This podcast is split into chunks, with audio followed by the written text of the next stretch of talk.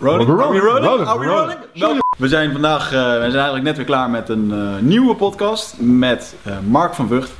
En Mark is een evolutionair, zeg ik, hoe zeg ik het? Professor evolutionaire psychologie. Professor evolutionaire psychologie. Een hele mond vol en het was ook een hele podcast vol.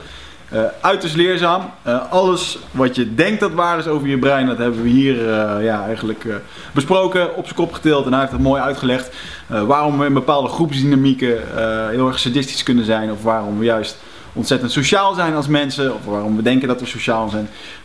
Vragen zoals, is er vrije wil? Wat is bewustzijn? Een hele rimram hebben we hierin behandeld. Ik vond het uiterst leerzaam. Het was super tof om... om met hem te spreken. eh, en zeker om hier eens een keertje met een echte professor aan tafel te zitten. En ehm, ja, wat kan ik zeggen? Jullie moeten het zelf maar luisteren en voor jezelf beoordelen. Daarnaast nog eventjes een plug voor onze sponsoren. Eh, voor Nutrifit, we hebben het vandaag over ons oerbrein gehad. Alles wat gaat omtrent supplementen kan je bij nutrifit.nl bestellen. En daar gaat het om eh, van eiwitten voor herstel tot en met nootropica om jezelf net even wat beter te krijgen. Als je stress op de werkvloer hebt of als je deadlines moet halen, daar hebben we allerlei mooie nootropica voor, zoals eh, een Alpha Brain of een Siltap. Dingen waardoor je beter gaat concentreren, maar die wel helemaal 100% natuurlijk zijn. Vind je het niks? Stuur het gewoon terug, krijg je geld terug. Dus je mag het gewoon uitproberen. En dat geldt op alle merken die we verkopen. Zelfs op de merken die het zelf op hun eigen website niet aanbieden. Als dat geen topservice is, dan kunnen wij niet meer eraan doen en dan hebben we alles geprobeerd. Eh, daarnaast natuurlijk nog easier. Als je binnenkort een evenement hebt of een eh, feestje of ergens waar een display draait, misschien op je eigen verjaardag. eh, en je wil foto's via social media daarop tonen. dan kan dat via Easier, is een heel makkelijke platform waarbij je social media kan toevoegen in een zoge- zogenaamde social feed. En alles met een bepaalde hashtag of met een, van een bepaald social media profiel. Dat wordt dan vervolgens daarop geplaatst op een hele toffe manier. Dus op displays, op websites, net waar je het wil hebben voor jouw merk. Perfect om de interactie, interactie aan te gaan met jouw gebruikers. Ehm, dat was hem. Ik wens jullie super veel plezier met deze podcast. En eh, ik denk dat dit eh, een van de betere is geweest die we tot nu toe hebben gedaan. Dus veel kijkplezier. Laat ons weten wat je ervan vond. Ciao.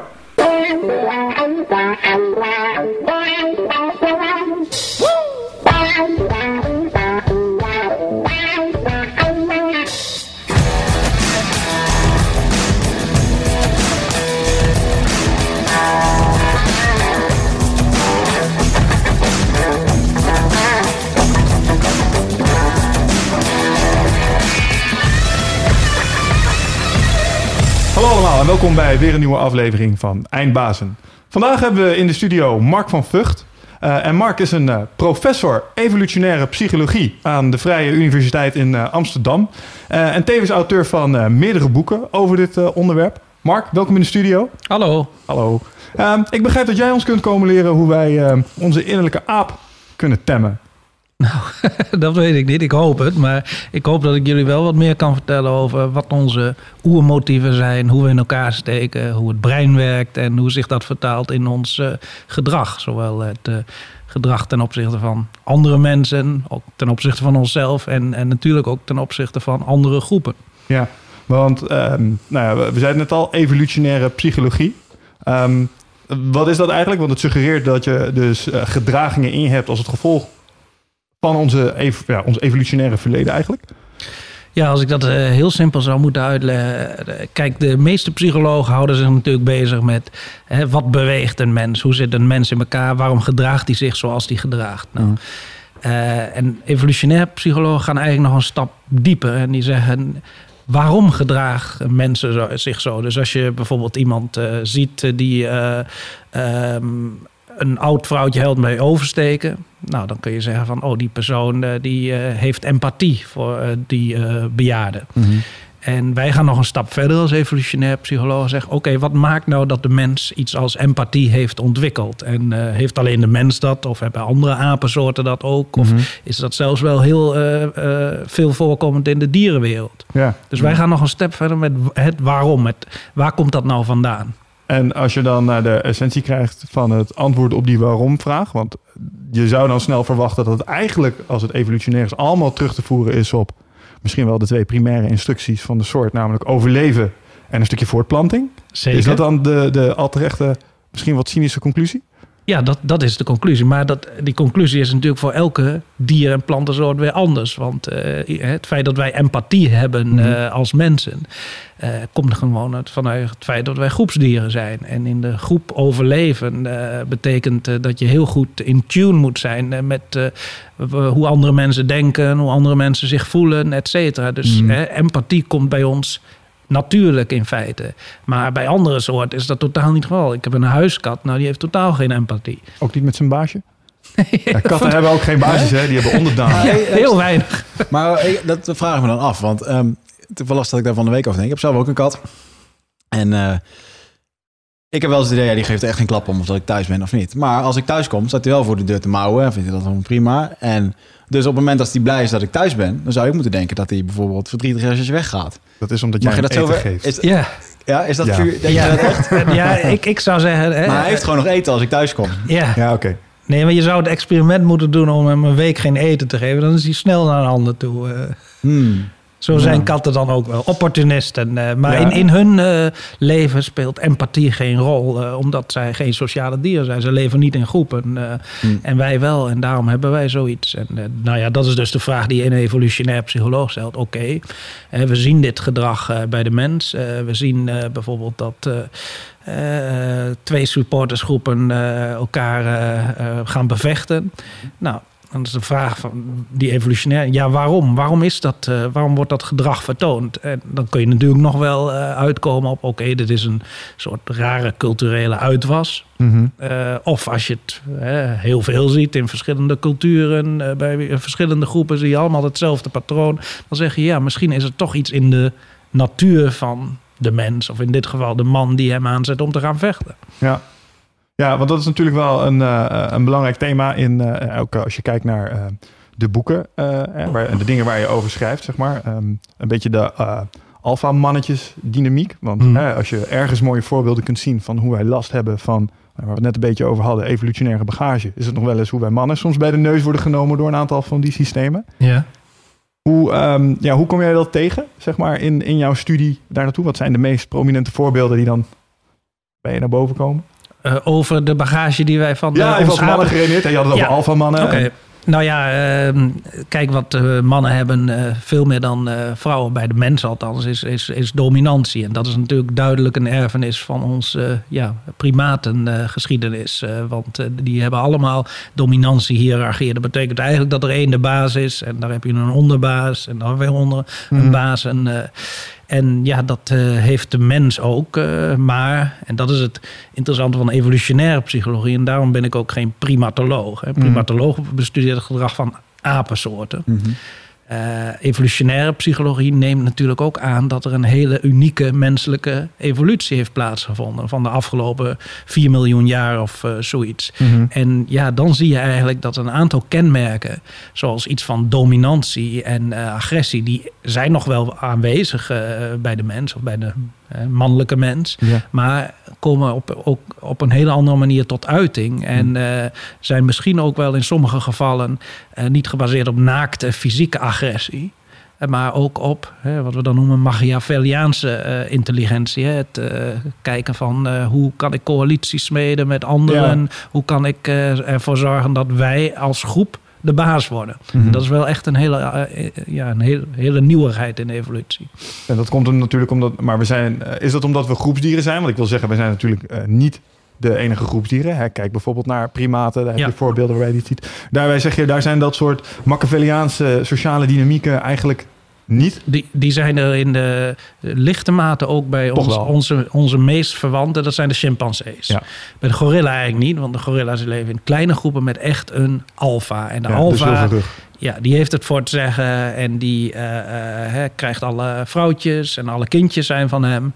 Ehm, en als je die wil bevechten... eh, dan moet je gewoon eh, als eh, beta-mannetje moet je de strijd met hem aangaan. Bij de chimpansees zie je eigenlijk al eh, dat de alfa in zekere zin wordt ehm ehm, bezighouden door coalities. Hè. De, de beta en de gamma, Mhm. die kunnen met elkaar gaan samenwerken. En dat is eigenlijk wat je in ja, een heel eh, uitgebreide vorm bij de mens ook ziet. Want eh, hè, als wij die baas niet zien zitten eh, op ons werk of Mhm. eh, in ons land, et cetera, dan smeden wij een coalitie. met name een coalitie van mannen. En een coalitie is natuurlijk altijd sterker dan die eenling. Ja. En dat, als je het wilt verklaren waarom wij zo geworden zijn als mensen als we geworden zijn, is dat, eh, dat vermogen om coalities te vormen. Met name van mannetjes die met elkaar proberen om eh, de dienst uit te maken. Nou, dat is een ontzettend belangrijke stap eh, die gezet is. Ja, en is dat, eh, beperkt zich dat tegenwoordig nog steeds tot enkel mannen? Want als ik eventjes het op een moderne werkvloer betrek, dan zijn vrouwen minstens even druk bezig met coalities vormen of daar deel van uitmaken. Ja, ook daar zie je coalitiegedrag bij mannen en vrouwen is dat. je kunt, ik, ik zoom nu even op de verschillen in, maar je Mhm. kunt wel zeggen dat ja, het feit dat wij met mensen met dezelfde belangen kunnen samenwerken. Dat is eigenlijk al een eh, redelijk uniek iets in de, eh, in de geschiedenis van eh primatensoorten. Echt Mhm. samenwerken met elkaar. Dat zie je eigenlijk ook niet bij andere apensoorten zozeer. Ja, de moeder werkt met de, dochter samen of zoiets. Maar hè, bijvoorbeeld dat man en vrouw samenwerken in een soort monogame relatie. Dat komt eigenlijk bijna niet voor. Dus Mhm. dat is al heel bijzonder. Dus vrouwen doen ook aan coalities. Die zien iets anders uit dan die van mannen. En hebben ook iets ander doel vaak. Mm. Ja, Want wij hadden hiervoor hadden wij, eh, me- vorige week moet ik zeggen, vorige week. ja. hiervoor hadden wij een podcast eh, opgenomen met John de Vos, een, eh, een paleontoloog op de Homo erectus, de eerste rechtopstaande mens. Mhm. En het- toen begonnen wij een beetje over, joh, wanneer zijn nou een beetje die samenlevingen begonnen? Hè? Wanneer, wanneer ging men nou daadwerkelijk een stukje dat agrarische cultuur wat erbij kwam, maar ook het... eh, ehm, het moment dat je op een gegeven moment je eigen boerderijtje hebt met je dingetjes, dan moet dat beschermd worden. Waar de sporen van geweld en dat soort dingen. En dat is een beetje waar.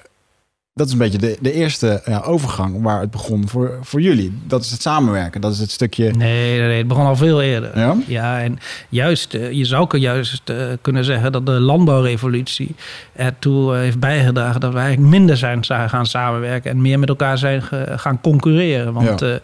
eh, eh, uiteindelijk is de mens eh, eh, ja, groot geworden, of hoe je het noemt, juist door die paar miljoen jaar van eh, het. eh, als we het maar even simpel zeggen, uit de jungle eh, komen en op de savanna terechtkomen. De Afrikaanse savanna Mhm. die zich uitstrekte van eh, Ethiopië, Tanzania tot aan Zuid-Afrika.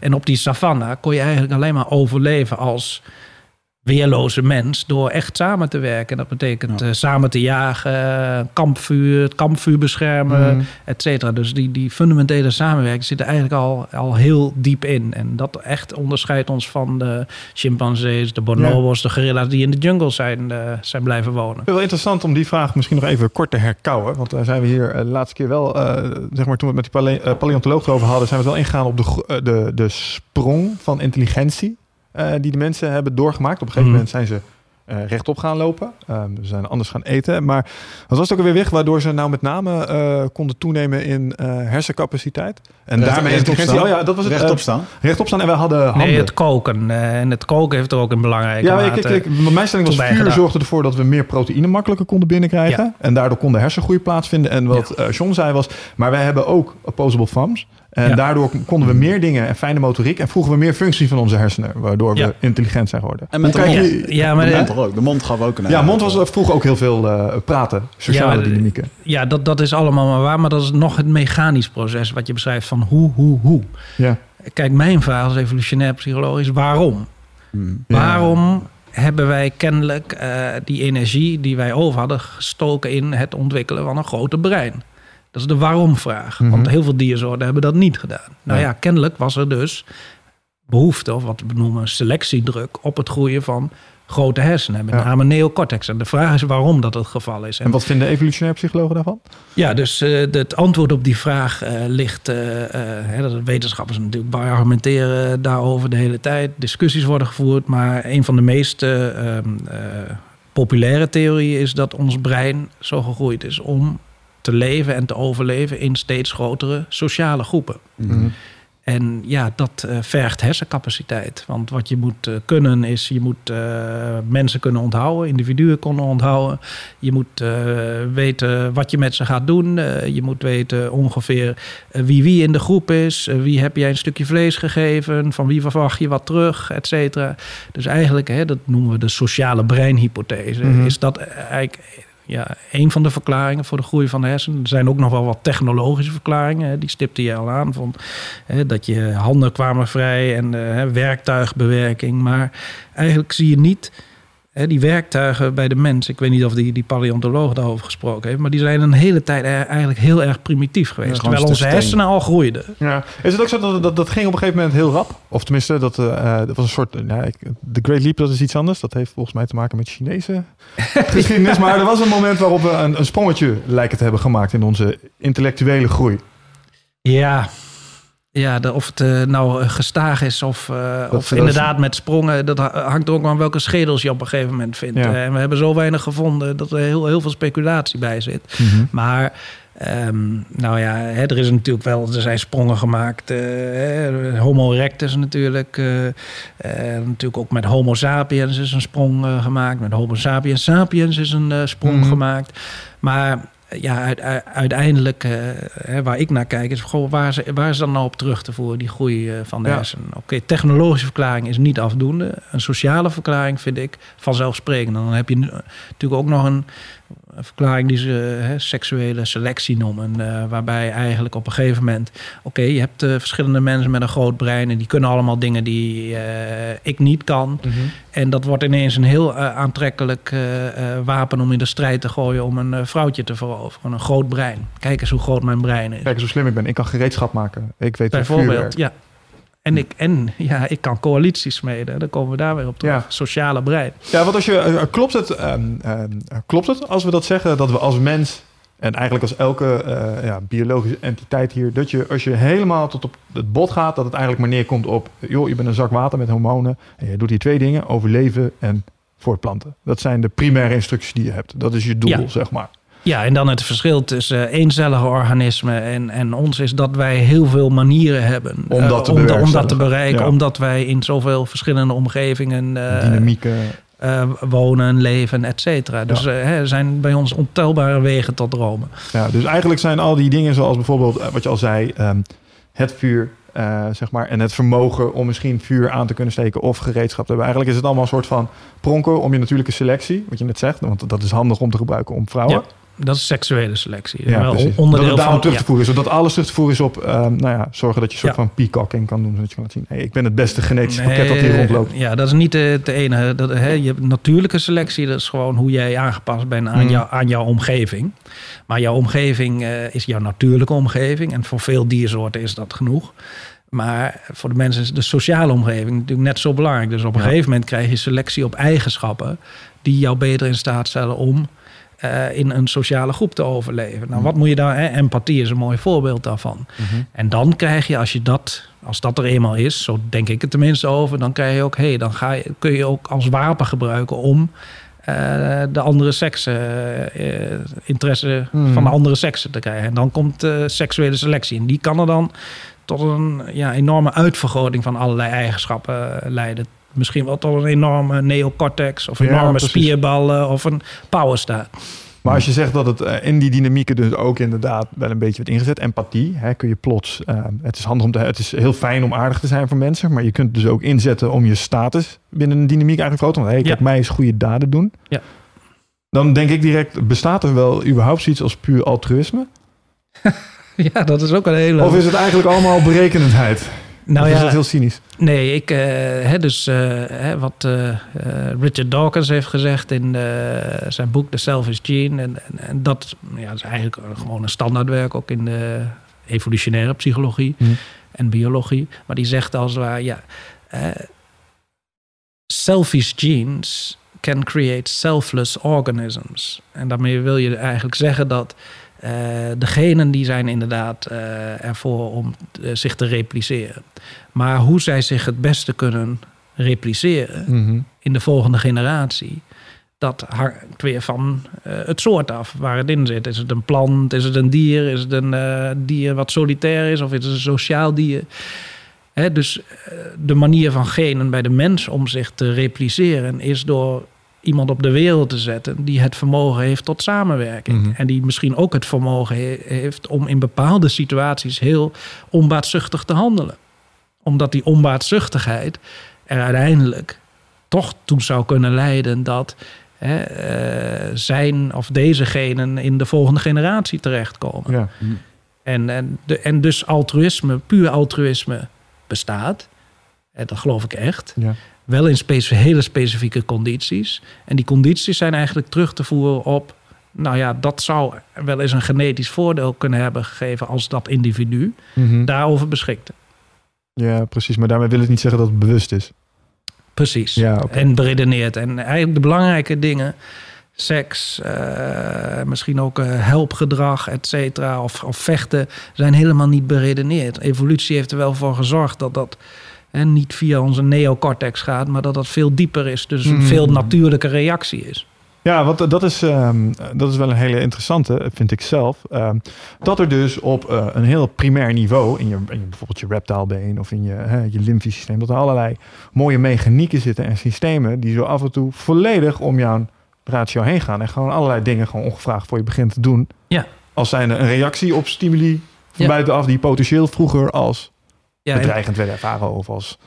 Ja, dus dat, dat, is, ja, dat is alleen maar makkelijk. Want ja, eh, als wij het gaan beredeneren, zijn we bij bepaalde bedreigingen zijn we al te laat.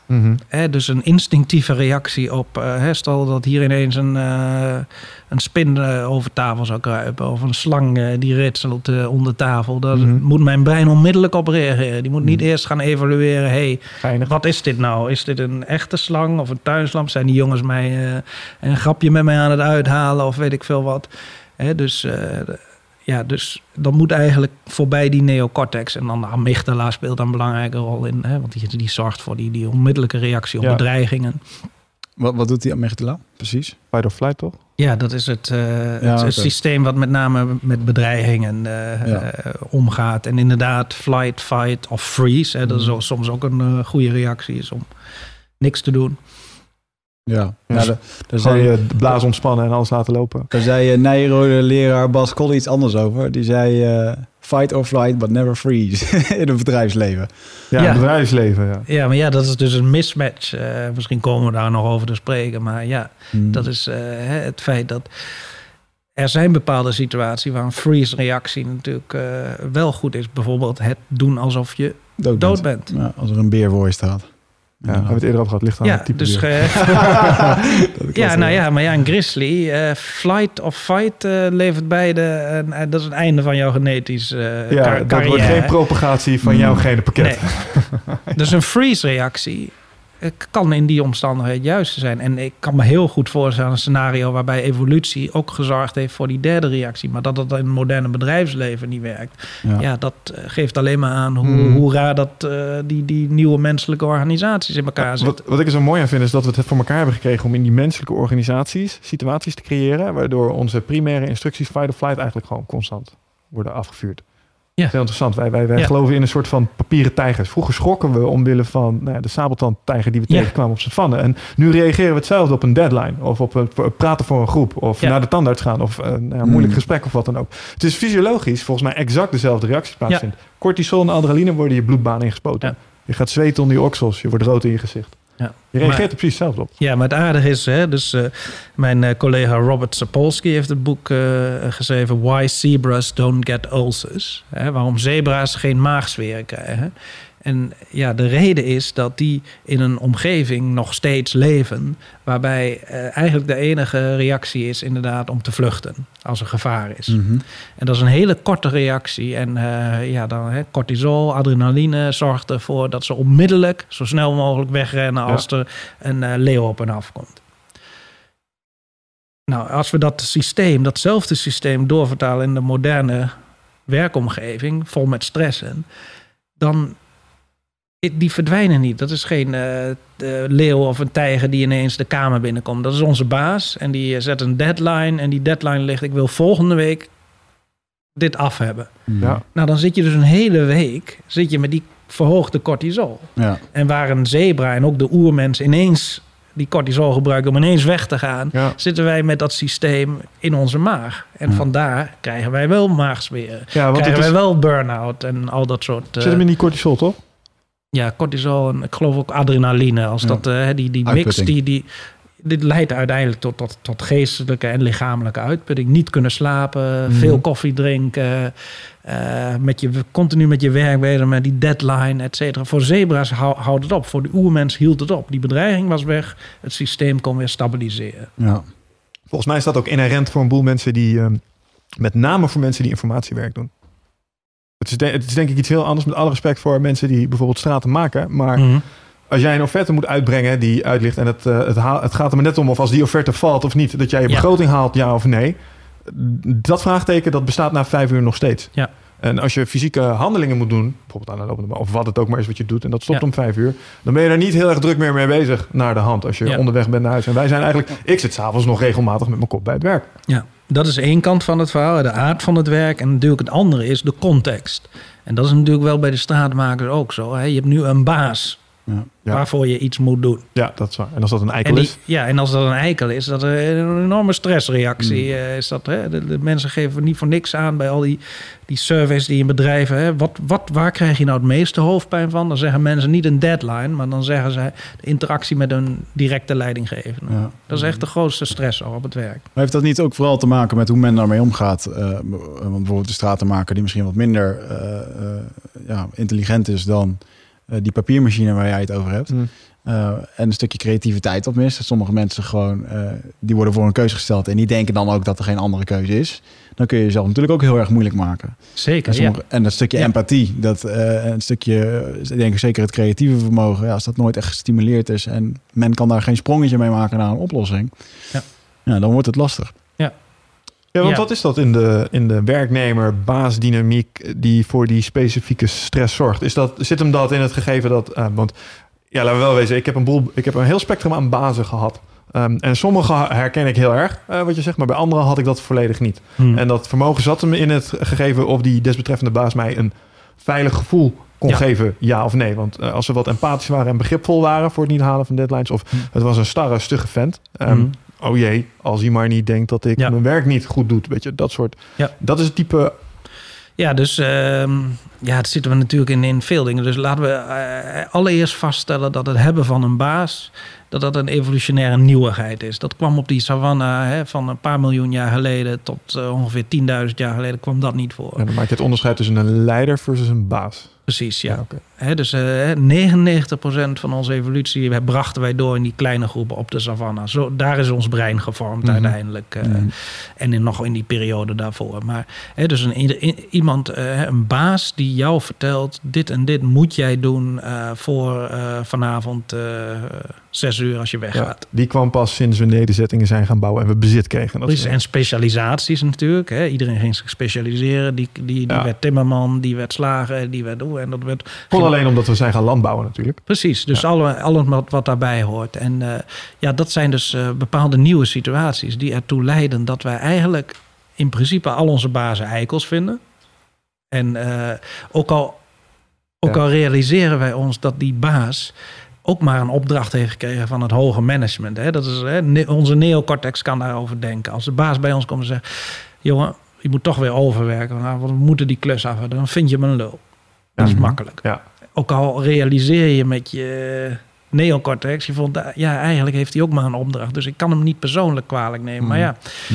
zo werkt ons brein helaas Ik doe niet. het toch. Ja, Het is toch een lul. ja hè, dus dat is de, de default, zeg maar. Dat is de, de, de baseline. En Mm. eh, nou is het wel zo dat eh, naarmate een baas zich meer opstelt als een leider, dan klikt ineens ons volgersbrein aan. En denken we, ja, die persoon, hij heeft kwaliteit, of zij, eh, bepaalde deskundigheid, bepaalde expertise, die kan me goed van pas komen.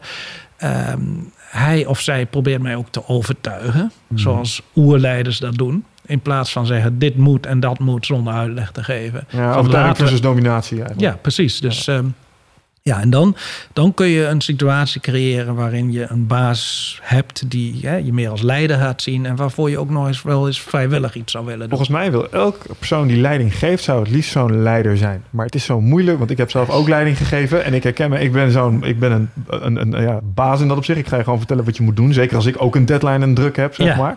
Ja. En dat is denk ik ook heel, dat is erg lastig. Want je weet intuïtief wel, dit is de beste manier. Ja. Maar daar hebben we nu echt even geen tijd in. Dus jij gaat gewoon doen wat ik zeg nu. Weet je wel? Dat is waar je heel snel inschiet dan, als je in zo'n positie zit. Ja, ja dus het, eh, dat is het argument van mismatch. Hè. De hiërarchieën die we hebben gecreëerd in onze organisaties. Mhm. Die eh, stellen ons natuurlijk in staat om in hele grote groepen eh, te leven en samen te werken. Hè. Neem Philips of de Vrije Universiteit. eh, hele grote organisaties. Die moeten hiërarchieën hebben om er toch een beetje eenheid te creëren. Maar die hiërarchie die wij gecreëerd hebben, die leidt ertoe dat, wij, eh, dat het heel moeilijk is voor bazen om, om leider, leiding te geven. Want Ja. leiding geven wordt een beetje voeling houden met je volgers. Of willen die kant, die, die kant op? Nou, dan, ga, dan gaan we die kant op. Maar ja, Ja. dat kan dus niet in een organisatie. Nee. Dus maar ja, de nieuwe truc is denk ik tegenwoordig om gewoon... Je, ehm, eh, ik denk dat het meer als een schip moet zijn. De kapitein moet de richting wel bepalen, maar je moet het laten uitvoeren door de mensen van... Snap je? Je moet, je moet nou, we zouden daar willen komen. Ja. Hoe zouden jullie dat oplossen? Als organisatie. Jullie als uitvoerende, hoe wil je dit doen? Welke voorwaarden hebben we nodig om daar te komen? Anders dan, je gaat het nu op deze Ja. ouderwetse manier doen. Ja, maar nogmaals, vroeger was het ook weer nog anders. Zeggen, oké, waar willen jullie naartoe? Oh, echt? Ja, ja natuurlijk. Want eh, Maar de leg- jager-verzamelaar, leg- leg- in- die waren eh, autonoom. Die hadden geen bazen of, of richting. En die, dat is ook zo. Hè? Als je die etnografieën leest over de, de Hadza in Tanzania, de Koensan in Botswana. Dat zijn nog, hè, die leven nog in een jager. Dat zijn stammen, neem ik even Dat- aan. ja, Ja, oké. eh, ja, stammen die als jager-verzamelaars eigenlijk leven. Net als de Mhm. oermens. Nu nog steeds. Nu nog steeds. Zijn er steeds minder, helaas. Maar ze leven nog wel in de, de, de, de randen van de, wat we noemen beschaving. Hm. Ehm, maar ehm, ja, daar is het zo dat als jij het eh, niet ziet zitten in jouw groep... dan eh, ga je met je familie, met je gezin, ga je naar een andere groep. Ja, ik, Hm. ik wil niet die kant op, ik ga ergens anders naartoe. Nou, Hm. complete vrijheid in feite. Dus daar vond ook een. Daar, eh, en dat was vroeger op de savanne ook zo, dat er een vrije uitwisseling tussen groepen bestond. Dus daar had je ook migraties tussen. Ja, wat je, hè, nou neem ik even het voorbeeld van de, de Hadza uit Tanzania. Eh, als je dat als model neemt, eh, die hebben eigenlijk eh, acht kampen. Hè, dus, eh, en en, en ze, ze migreren eigenlijk met waar het voedsel op dat moment is. eh, hè, dus om de anderhalf, twee maanden gaan ze naar een ander kamp. Mhm. Maar ja, als je het niet ziet zitten in het ene kamp met die groep, dan ga je toch lekker naar een andere kamp toe. Met een nieuwe groep. Met een nieuwe groep, ja. Wel binnen de etnische groep die dan de Hadza heet. Ja, ja, ja. Het is niet zo dat je ineens naar de, naar, naar de vijand zou kunnen gaan. Maar, Hebben ze die daar nog? Mm, Van vroeger ja. uit. Een soort van Ja. ding van wij zijn vijand met hun, maar het- ja, er is geen oorlog. Ja, als je, nou, als je Ja. bloed, eh, bloedfeuds of weet ik veel Ja. wat, eh, tussen families, eh, geen idee. Ja, nee, dat, ook, ook dat eh, kwam voor. En dat, dat komt natuurlijk nog steeds voor. En daar zien we nog steeds allerlei sporen van in de moderne samenleving. Is dat ook, ja, dat vraag ik me ook Nederland, af. hè? Duitsland.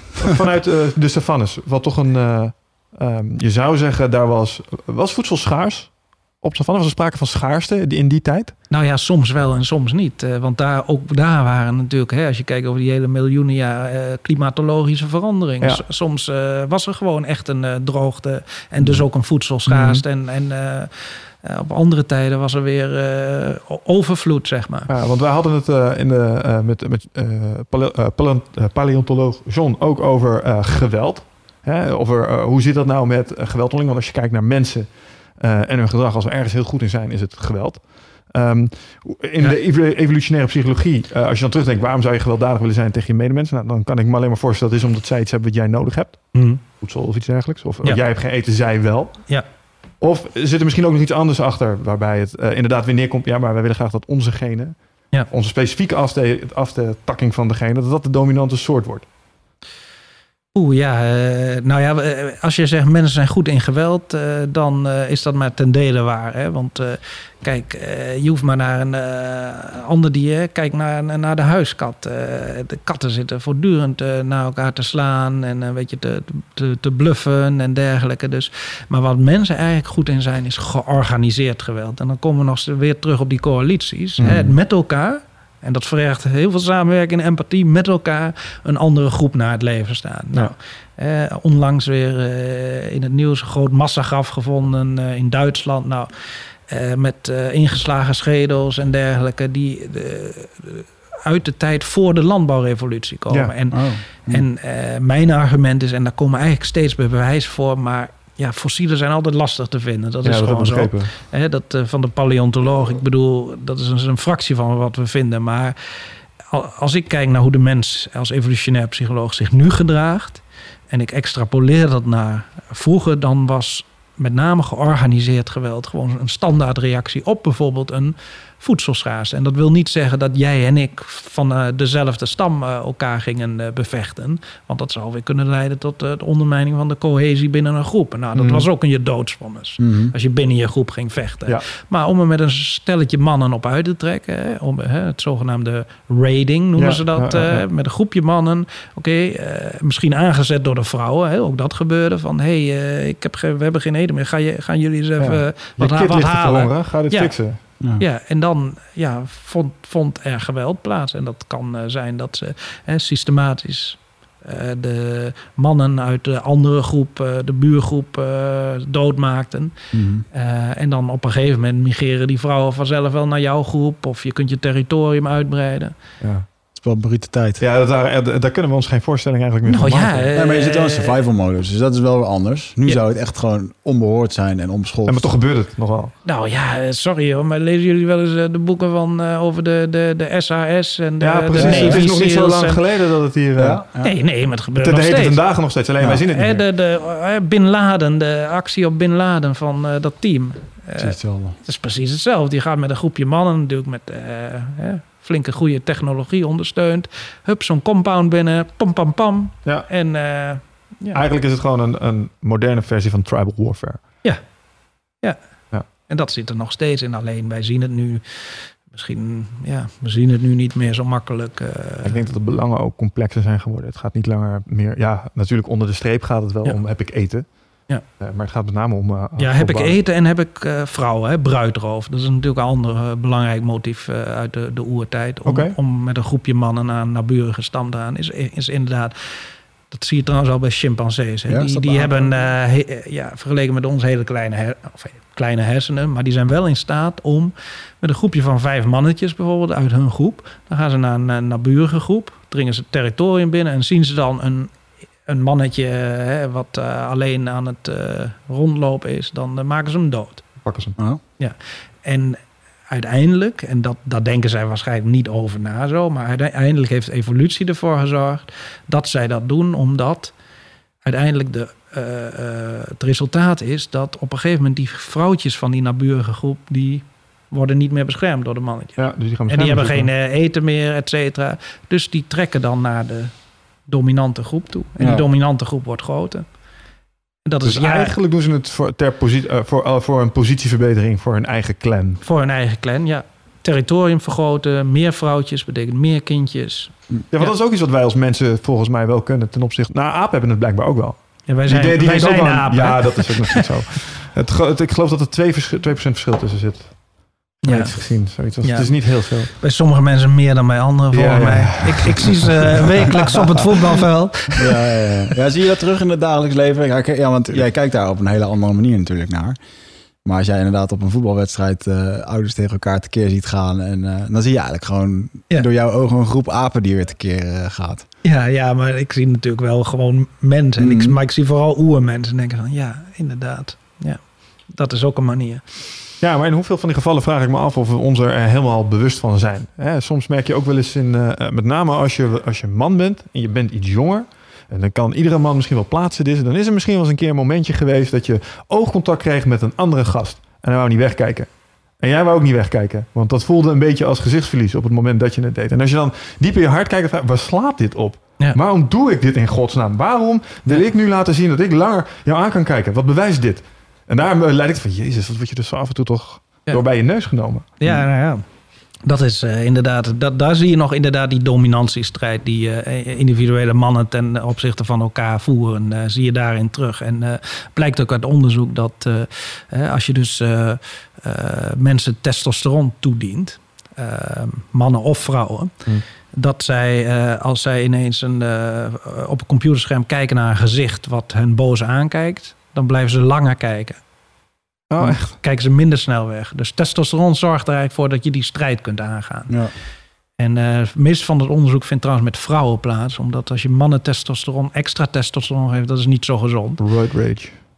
En eh, terwijl bij vrouwen hebben van nature een stuk minder testosteron. Dat is Ja. misschien wel vier of vijf keer of soms tien keer zo weinig. Eh, maar bij toedienen van testosteron wordt het met name dus bij vrouwelijke onderzoeksdeelnemers van. Omdat je daar hele mooie effecten kunt, eh, Zit kunt dat, zien. zit dat meer eh, de uitwerking, want ze noemen dat ook wel het leiderschapshormoon. Eh, Zijn, er nog andere rollen voor testosteron, behalve als je strijdlustig maken?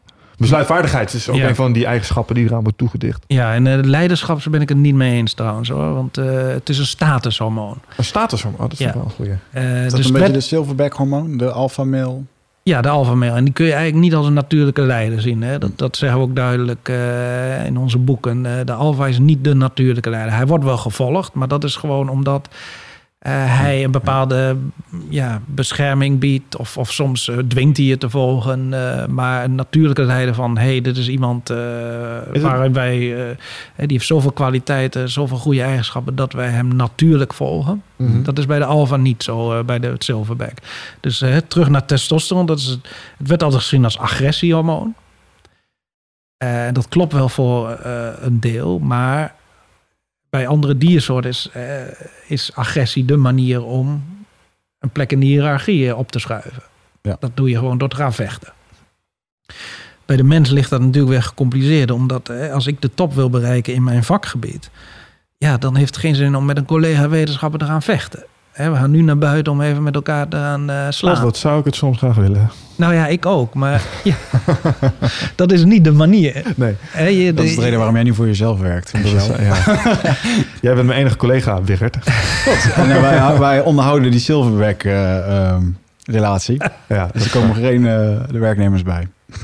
Wij moeten het met woorden doen. En, eh, en wij moeten het op een indirecte manier doen. Hè? Wij moeten dus eh, eh, proberen om status te verkrijgen in de groep.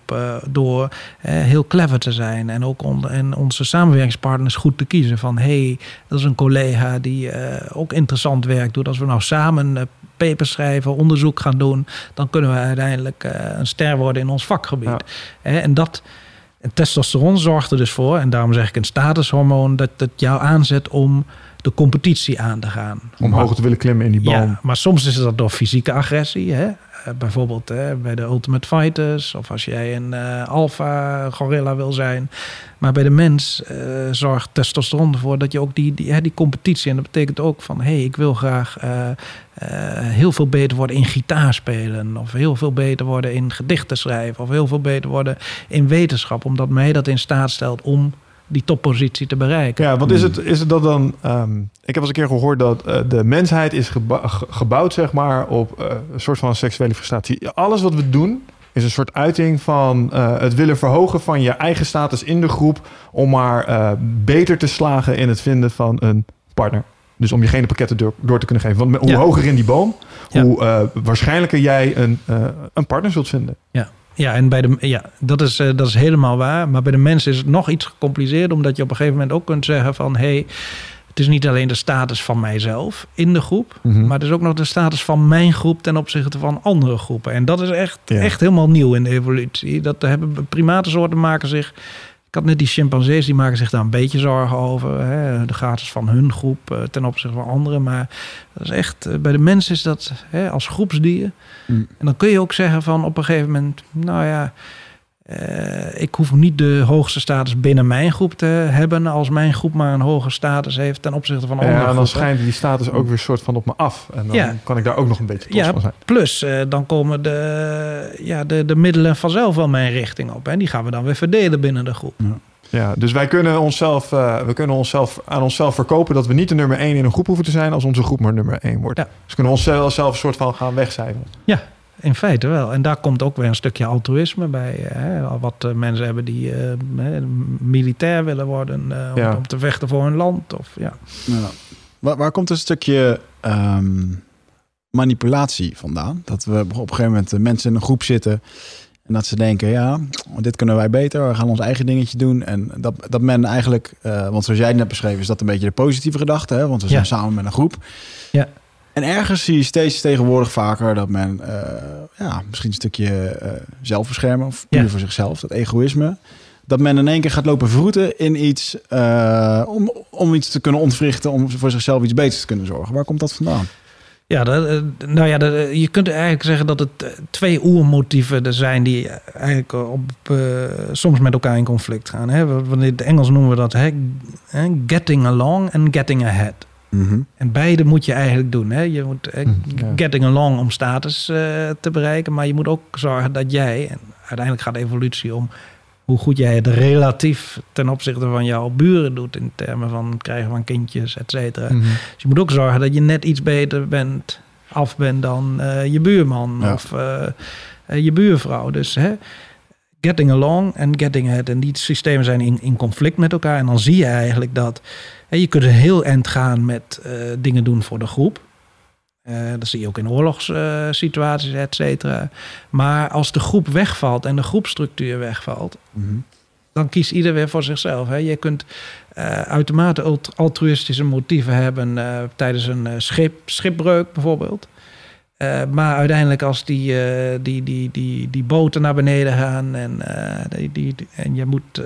eh, eh, het is, jij springt of eh, Het iemand gaat anders plots om springt, de knikkers. Ja, Ja. precies. dan spring jij toch. Hè. Het blijkt ook echt uit onderzoek dat eh, naar, naar rampen... eh, dat bijvoorbeeld in scheepvaart, maar ook eh, vliegtuigrampen... dat de meeste kans om te overleven hebben jonge mannen die, geen, eh, die niemand bij zich hebben. Want je blijft, ja, je blijft achter voor je kind en vrouw natuurlijk. Ja, Maar als je solo bent, fuck you guys, Ja. I'm out here. Ja, Ja. ja. dat Ja. snap ik. Er zit er wat in, ja. Ik denk dat het ook echt een van de sterkste dingen is die er in een mens zitten. Ja. Gewoon je overlevingsinstinct. Maar eh, even terug, want ik was de draad eh, manipulatie. Waar komt dat dan vandaan? Hè? Getting along en getting ahead. Ik had het net al over empathie. Nou, de oorsprong van empathie, grappig genoeg, ligt niet in het zo eh, graag willen helpen van andere individuen. De oorsprong van empathie ligt in het feit dat ik jouw gedrag en gedachten kan voorspellen. Mhm.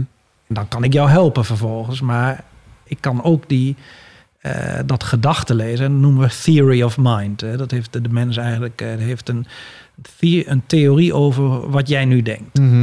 Dat, eh, geen enkele andere diersoort houdt zich daarmee bezig. Nee.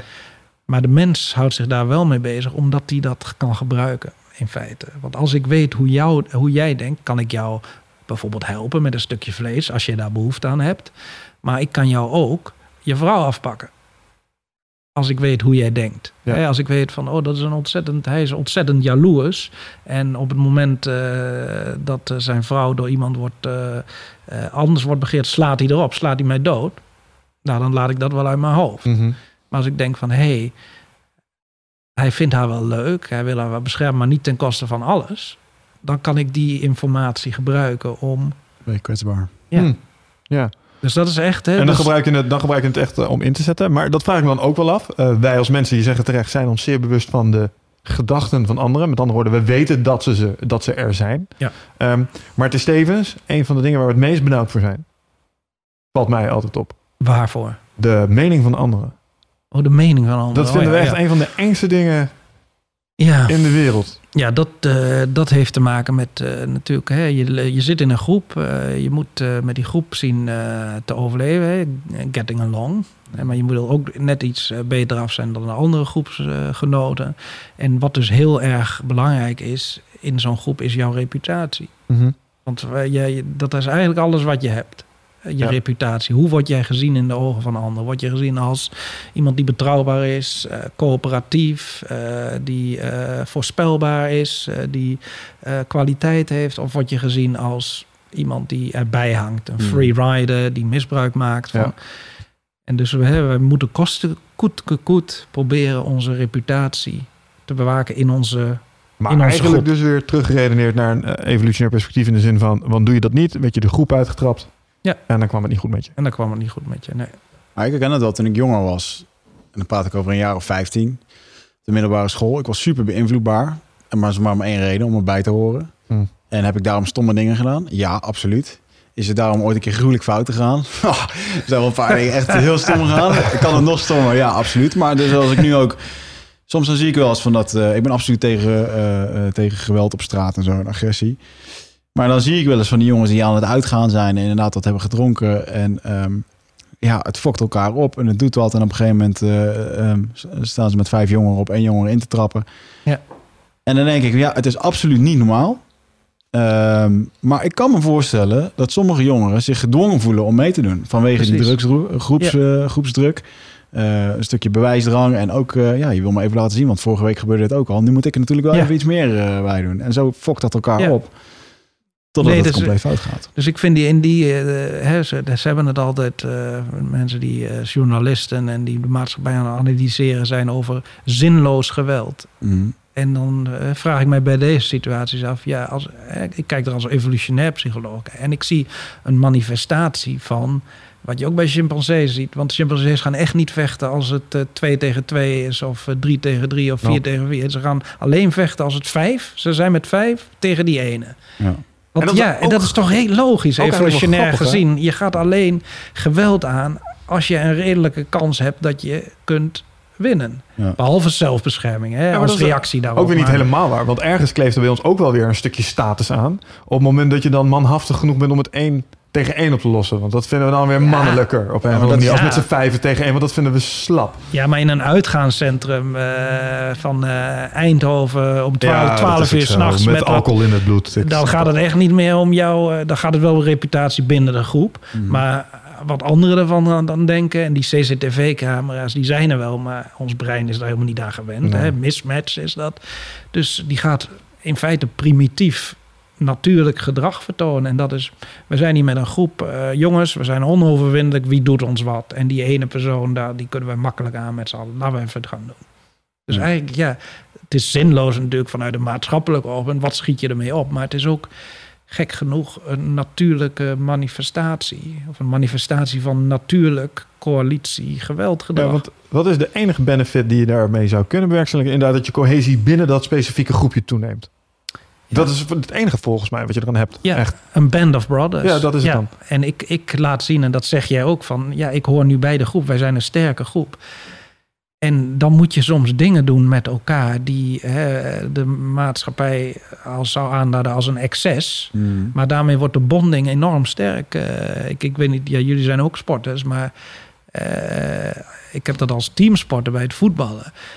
Ik heb in niemand zoveel vertrouwen als met de mensen met wie ik op het veld sta. Ja. En nee, ook niet met mijn collega's, die eh, vertrouw ik natuurlijk ook wel, hè, lange periode van samenwerking en zo. Maar dat echte van, hè, nu heb ik echt een gevoel van, hè, we zijn eh, onoverwinnelijk, we vertrouwen elkaar. Ik zou jou eigenlijk alles, hè, ook hè, veel lichamelijk contacten hoort daarbij. Is dat ook niet de Dat heb fysieke je echt- interactie? Ja, zal ik ook Ja. aan te denken. Ja, dat is de fysieke interactie. Maar dat is ook ja, hoe de oermens in feite eh, eh, met elkaar eh, iets beleeft, een, een ervaring deelt. Is dat dan ook de reden waarom bijvoorbeeld teambuilding uitjes vaak eh, succesvol zijn door ba- op basis van samen dingen doen, activiteit ondernemen, sporten, dat dat die band eh, zou moeten? Ja, de, hè, dus eh, dat, eh, ja, eh, sommigen zeggen, ja, je leert pas echt vrienden kennen in, in kritieke situaties. Nou, Ja. wat je dan simuleert is inderdaad een kritieke situatie. Een situatie waarin er echt iets op het spel staat. Jouw leven, mijn Ja. leven, eh, dit en dat. En, ehm, en de vraag is dan, eh, dat, dat is nog nooit eigenlijk goed empirisch onderzocht... of dat eh, ook daadwerkelijk toeleidt dat je in het, hè, dus zich doorvertaalt naar het werk Mhm. dat je dan ook beter gaat samenwerken. Maar als ik die voetbalervaring van mijzelf, eh, dan denk ik, ja, die, dit zijn ook echt personen, daar heb ik dit mee gedeeld. Dat, die fysieke ervaring van het bestrijden. Hè. Voetbal is natuurlijk gewoon oorlogvoering, maar dan op een, in een modern jasje. Mhm. Eh, hè, samen strijden, band of brothers. Nou, met deze personen, die zou ik echt ook wel de inhoud van mijn portemonnee vertrouwen.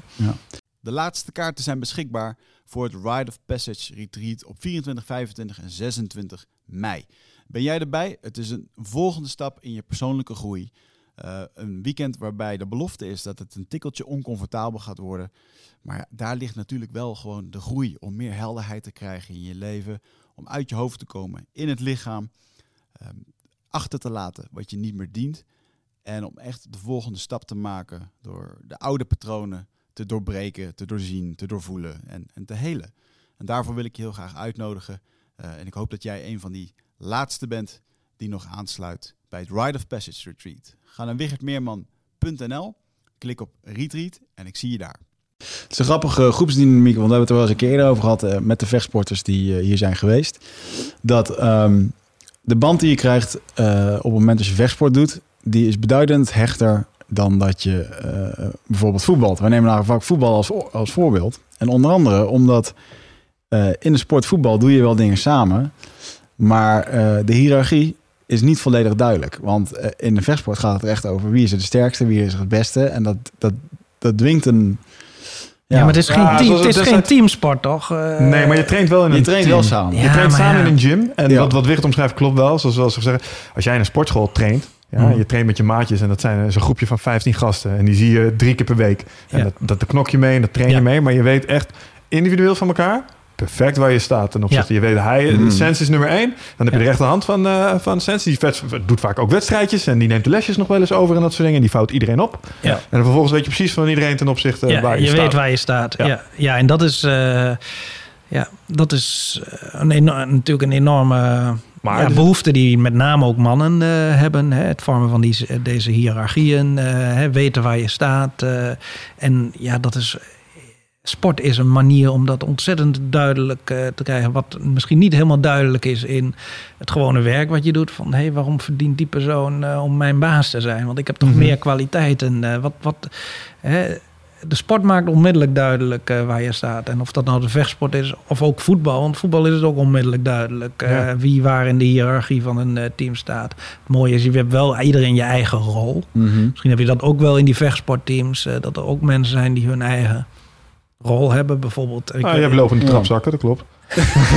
Ja, ja, mensen, ja, mensen die vangen en eh, Ja, je hebt die ontvangen. En mensen die... eh, ze maken al wel eens het grapje bij eh, de lagere banden van... eh, het is altijd mooi dat als je een keertje een lesje moet geven... en je vouwt iedereen op, dat, eh, dat ze je daarna de les komen bedanken. Zo. Ja, Ja, bedankt, ja, dat was ja. goed. Ja, dat is zeker goed, jongens. dat is Dus een dat- nieuwe uitdrukking Ja. die ik nog niet eerder heb. Opvouwen van. Opvouwen, Ja, ja. als, je, als je judoot, op de grond worstelt of jiu-jitsu, dat vindt allemaal op de grond plaats. En als je dan iemand eh, nou ja, tot een overgave dwingt middels een armklem of dat soort dingen, dan lig je nog wel eens nou ja, behoorlijk opgevouwen erbij. Want ja, diegene die aan de, eh, zeg maar die armklem aan het aanleggen is, die moet je compleet onder controle houden. Dus je hebt een knie op je maag en ondertussen heeft hij je schouder Ja. op slot gezet Ja. en dan is hij aan je elleboog aan het wrikken. En dat noemen we dan op. Opvouwen.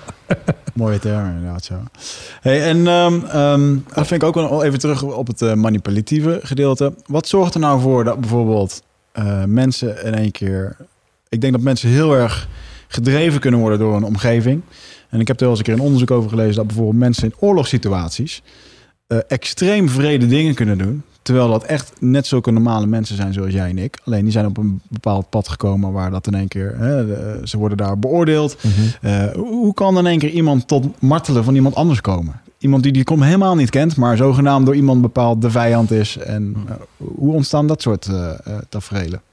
Ja, als ik daar als evolutionair psycholoog naar, naar kijk, eh, dan hè, is het zo dat wij natuurlijk, wat ik, wat ik eerder al zei, wij mensen eh, zijn eh, complexe wezens. We hebben grote herseninhoud. En waarom hebben we die? Omdat wij adequaat moeten reageren in een heel aantal verschillende omgevingen. Mm. En dat betekent hè, dat wij in ons hoofd hebben wij, eh, ja, noem het maar heuristieken of, of hè, bepaalde beslisregels of beslisbomen van hey, als ik in die situatie zit, dan moet ik het zo doen, maar zit ik in de andere situatie, dan moet ik het zus doen. Hè, dus, eh, eh, nou, wat, wat is een mooi voorbeeld? Eh, Stel ik pak Eh, koffie met mijn collega's, eh, dan mag ik als eerste. Stel de baas staat erbij, dan laat ik hem Ja, eerste het kopje Bijvoorbeeld pakken. dat. Zoiets. Dat is, Ja, ja. dat is de complexiteit die hoort bij het leven in een sociale groep. En, eh, en dus ook kun je je voorstellen dat wij in ons brein een aantal eh, eh, beslisregels hebben die zeggen, nou, in die situatie, in een vredessituatie, is het het handigst om ons zo en zo op te stellen. Maar in een oorlogssituatie, waarin iedereen elkaar naar het leven staat en er geen wetten en, en regels eh, en, en gedragscodes zijn, dan kan ik het beste aan mijn trek eh, komen om dit of dat te doen. En eh, dat betekent ook bijvoorbeeld. Hè, Kijk, jij en ik, als mijn baas naar mij toe komt en zegt: Jij moet die eh, ehm, collega martelen. Mhm. Dan zeg ik, ja, sorry hoor, eh, dat doe ik niet. We hebben eh, regels in Nederland. eh, er is een gevangenissysteem. eh, ik ga niet doen wat jij zegt. Maar mag, Maar- ik, mag ik daar even op inhaken? Want daar zijn volgens mij wel eens experimenten mee gedaan. Dan werd er, uh, Wigert die werd op een stoel Ja. gezet. Ik sta in een lapjas naast jou. Ik zeg, je moet op die knop drukken, want we gaan zijn geheugen testen. Hij zit te spartelen achter glazen raam. Stop, Ja. stop, stop. En ik zeg nog een keer drukken. Ja, Nou, dat is het beroemde Milgram-experiment. Ja. Dat ging daarover van hoe kun je nou iemand uit die situatie eh, van de no- normale eh, dagelijkse omgeving, kun je die in een situatie brengen waarin inderdaad hij alleen nog ehm, beantwoordt aan een autoriteit die daar is. Iemand in een doktersjas, witte jas van Harvard of weet ik veel, prestigieuze universiteit. En die zegt mij nu dat eh, hè, er zit in een andere kamer zit een persoon. Als die een fout vraag beantwoordt, moet je hem een schokje geven. En je moet die schokken steeds eh, intenser maken. Als dat jouw enige cue is, waarop jij eh, en je bent he- helemaal uit een situatie waarin eigenlijk dat de enige relevante cue is, dan is de mens in staat om dat te doen. en dat is dan hè, het accepteren van een autoriteit die eigenlijk een vervanging is van de normale regels en wetten in een eh, maatschappij. En in een oorlogssituatie is dat precies zo. Jouw autoriteit is op een gegeven moment gewoon dat groepje waar jij in zit. Ja. Als jij in, eh, in de Tweede Wereldoorlog eh, in Polen of in Tsjechië of in Nederland lid was van de SS, Mm. dan was dat jouw autoriteit, dat groepje en jouw baas. En misschien ook nog de dreiging van eh, als je wegloopt, wat je. Executie. Ja, Ja. precies. Ja. En, en dan zijn wij absoluut ons in staat om ons aan te passen. En vreed te zijn ten opzichte van onze Maar medemensen. allemaal weer vanuit een stukje, eh, eigenlijk gewoon essentiële angst. Ik wil blijven leven, dus ik doe maar mee. Conforme- het is gewoon conformeren. Ja, behalve dan eh, dat je je wel ook kunt afvragen of er niet een stukje sadisme ook in de mens zit. Ja, want dat is, dan, en dat is dan wel weer interessant, want dat doet me dan wel denken of puur altruïsme staat. Er zijn mensen die bijvoorbeeld in de Tweede Wereldoorlog, daar zijn ze bekend om, die zeggen, nee, ik, ik werk hier niet aan mee. En die zijn gewoon kapotgeschoten. Die zijn geëxecuteerd. Ja, maar grappig genoeg. Ja, soms die ook, ze wel hebben opgestaan voor hun eigen ja, maar soms ook Ja, weer ja. niet. Hè? Dat is het ook. Hè? Dus je kunt bijvoorbeeld die, die eh, excessen van eh, Nazi-Duitsland niet alleen verklaren met eh, angst om doodgeschoten te worden. Dus had wel degelijk ook. Eh, er zijn verhalen bekend, eh, bijvoorbeeld van een, eh, een, een, een groepje, ik dacht SS'ers of Weermacht, die moesten op een gegeven moment naar een dorp. En hen werd gevraagd, ja, we gaan in het dorp, gaan we de vrouw en kinderen wegnemen, de Joodse, en die gaan we in het bos kapot knallen. Nou, en dan was vervolgens de vraag aan die, hè, die, die, die luitenant, die stelde aan de, aan de groep van, hè, ik ga jullie niet dwingen om dit te doen. Eh, als je wilt, eh, als je nu naar voren stapt, eh, kun je eraan eh, ontkomen. Mm. En dat deden vervolgens een paar, wat, mm, ik dacht, wat oudere soldaten. eh, die stapten nou en, en die ehm, hebben daar niet aan deelgenomen. Dus het is niet allemaal zo onder dwang eh, gebeurd. ja, ja, En, ja. maar Dus wel, sommige mensen die kiezen er ook echt puur uit vrije wil voor. ja, maar maar uit vrije wil, eh, vrije wil bestaat niet. eh, Ja, dat vind ik wel interessant inderdaad. Oh, gaan we het ja. ook doen? Ja, ja, ja, maar ja, ja, die wil ik nog wel Heb je het dan niet weer over dat stukje bewijzing? Want die ouderen die dachten van ja, dit gaan we Ja. echt niet doen. Ja. En de jonge hond van 21 Ja. die dacht van ik ga me nu bewijzen. En dit is ja. mijn Ja. opstapje. Ik ga Ja. dat doen. En binnen zijn subgroepje dat hij waarschijnlijk, want binnen Ja. die 20 man had je de 10, daar ging je veel mee om. En die vonden hem in één keer een stuk cooler omdat hij wel bleef staan. Ja. Dat is het idee. Dus dat, dat, is, dat is groepsgedrag. En dat Hmm. is eh, ja, evolutionair ingebakken. En dat is als, als er geen hele sterke signalen zijn uit de omgeving van dit moet je niet doen. Hmm. Doe dan wat de groep doet. Wat is het evolutionaire gewin van sadisme? Vraag ik me af. Wat heb je eraan? Anders, het enige wat ik me kan voorstellen is shock and awe. Als ik mijn vijand kan laten zien dat ik in staat ben tot deze dingen, Ja. dan wordt hij bang voor mij. En die angst kan ik gebruiken om te winnen. Dat is de enige reden die ik kan verzinnen. Nou ja, maar het is, eh, wat jij nu beschrijft is natuurlijk wel een hele belangrijke reden. Ja, ja En misschien een, wel de eh, primaire, dat weet ik niet. Ja, dus eh, hè, ik, ik kom daar ook op als verklaring van. Hè, eh, en er, zijn, er zijn ook onderzoeken die dat laten zien. Hè, waarom zou. Hè, er is één apart fenomeen dat heet. in het Engels heet dat spite. Ehm, wat is een goede Nederlandse vertaling van spite? Ja, spijt. wroeging. Oh, iemand gewoon uit haat iets doen. Ja, dus- Gewoon, ik, ik mag je niet. Oké, dus een mooi voorbeeld in de, Mm. in de samenleving is...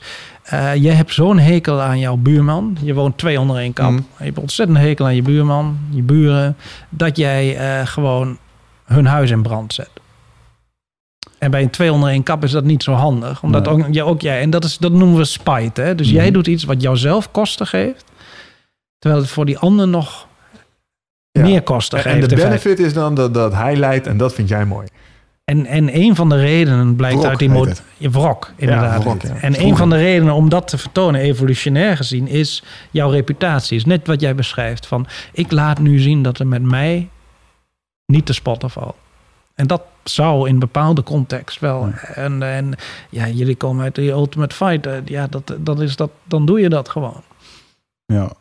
We steken elkaars huizen niet Nee. in de brand doorgaans hoor. Nee, maar is dat, nee, want dat, is, dat is juist de, de sportieve confrontatie. Die, eh, en dat vind ik ook heel bijzonder. Dat wij mensen de enige diersoort zijn die bewust met elkaar ehm, een geweldsdelict aangaan. Om elkaar na de bel een handje te geven. Van, hey, goed gedaan. Oh, je hebt mijn neus gebroken. Ja, mijn Ja. rib ligt Ja. eruit. hey, maar toch, toch goede Ja. wedstrijd. maar als ik deze spelregel snap, waarom? Omdat ik dan kan laten zien dat ik beter was. Ja, maar eh, ook dat is niet geheel waar. Hè? Het is niet geheel eh, uniek menselijk. Want wat je ziet is eigenlijk bij de mens is wat hè, de speelperiode die bijvoorbeeld bij andere eh, primaten op een gegeven moment eindigt. Hè?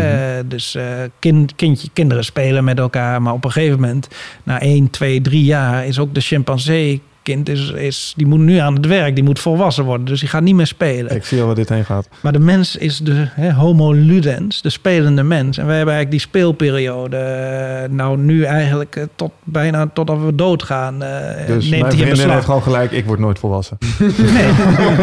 Nee, nee ook- ja. En ook daar is weer een reden voor, maar ik, we kunnen niet alles behandelen. Nou, Maar- ik ben wel benieuwd, waarom, blijft die waarom blijven wij mentaal... Ik zeg wel eens voor de grap, ja, ik word fysiek 36, maar ik ben mentaal echt nog 12. En zo voelt het soms ook oprecht. Ja, de, de spelende mens, dat is interessant. Hè? De, de verklaring daarvoor is eh, nogmaals hè, dat sociale brein. eh, om eh, in een groep te kunnen functioneren, moet je met elkaar samenwerken. En spel of ontspanning is daar een belangrijke voorwaarde toe. Hè? Van, Mhm. eh, dat je momenten kiest waar ah, nu gaan we met z'n allen de kroeg in. Of nu gaan we gek doen. Of nu gaan we even vechten. Of even voetballen. Of weet ik veel wat. Mm. Hè, periode van eh, ontspanning zorgt ook voor de bonding, continue bonding. En eh, dat is uiteindelijk de uiteindelijke evolutionaire verklaring. En waar heeft dat nou voor gezorgd? Dat heeft ervoor gezorgd dat de mens eigenlijk, vergeleken met alle andere primatensoorten, redelijk onvolwassen is. In zijn, in zijn kenmerken. Hè. Sommigen zeggen dat hè, kaal worden, eh, dat het eigenlijk een neotenie is. En dat noemen ze, hè, wij, eh, dat wij eigenlijk nog zo babyachtig mogelijk zijn. In ons eh, uiterlijk, in ons voorkomen. Dus het verlies van mijn haar is weer teruggaan naar mijn originele Ja. status, wat je zegt. in, in feite, ja. ja, nee, oké. Ja. Dus geen aftakeling. Nee, geen aanvertaling. Neotenie is inderdaad de selectie op jeugdige kenmerken. Eh, en dat heeft ertoe geleid dat de mens eigenlijk in zijn gedrag... eh, ook op 36 jaar geleden nog een kind is. Maar hoor ik je nou eigenlijk zeggen dat sommige vrouwen een kale knikker interessant vinden... omdat ze doet denken aan kleine kinderen? Ja, dat is misschien eens te wel ver. je zegt, dit, is de, dit, is, dit is de radio, gelukkig. Maar nee, ehm, ja, dus... nope, eh, dit is die internet. dat is nog veel erger. Ja. Nee, maar de selectie op jeugdigheid heeft plaatsgevonden bij de mens. Juist om ze in staat te stellen om te spelen en in grote groepen met elkaar leuke dingen te doen. Mhm. En sommigen zeggen dat dat zelfs ook een verklaring van homoseksualiteit is. Hè? Die, die selectie op jeugdigheid. eh, want de eerste seksuele ervaringen heb je eigenlijk vaak met mensen van je eigen sekse. Je eigen geslacht. Hè? Jongetjes die met elkaar eh, een beetje uitproberen. Doktertje, weet ik veel wat. En ja, eh, en, en ook op latere leeftijd, op steeds latere leeftijd vergeleken met andere eh primatensoorten, vertonen wij nog sp- spelend gedrag. Mhm. En sommigen blijven dat doen. En ja, dat zijn dan homoseksuelen. Hm. Dat is een verklaring, hè? Oké, en dan wil ik daar, had ik het laatst toevallig met iemand over. Dan had het over pedofielen. Hm. Dat is weer heel wat anders. Nou ja, dat is eigenlijk niet anders, omdat dat ook... ja, Ja, ik vind dat een hele gevaarlijk. Iedereen zit dan altijd, weet je, laatst zag ik weer zo'n filmpje op Facebook. Dan wordt er zo'n gozer in Amsterdam wordt helemaal in elkaar getrapt. Omdat hij eh, nou, was gepakt op heterdaad met een, eh, met een klein kind. Uiteraard, kan heel die reactie voor, voorstellen. Maar als eh, hetero zijn en homo zijn ehm, dezelfde impact heeft voor een pedofiel in zijn hersenen. Dat hij gewoon echt niet aangetrokken is tot mannen of tot vrouwen. Ja, maar, maar alleen maar tot kinderen. Dan is dat... dan kan zo'n iemand daar echt niks aan doen. Nee, maar dat is het bruggetje misschien dat we kunnen slaan naar Ja. vrije wil. Want ik heb wel eens een geval gehoord van een pedofiel. En eh, laten we vooropstellen, het, het klopt gewoon niet om dat Nee. te doen. Hè? De ki- de kinderen zijn er gewoon mentaal te jong voor. Dat kan gewoon echt niet. Nee, ze zijn er niet voor gemaakt. Nee. Nee, maar ehm, er zijn gevallen bekend waarbij een, eh, veroordeeld pedofiel plots in het ziekenhuis in het ziekenhuis komt, of in een ziekenhuis komt. Ze zien die beste man die heeft een tumor in zijn hersenen. Mm. Ze verwijderen die tumor en zijn pedofilie neigingen zijn verdwenen.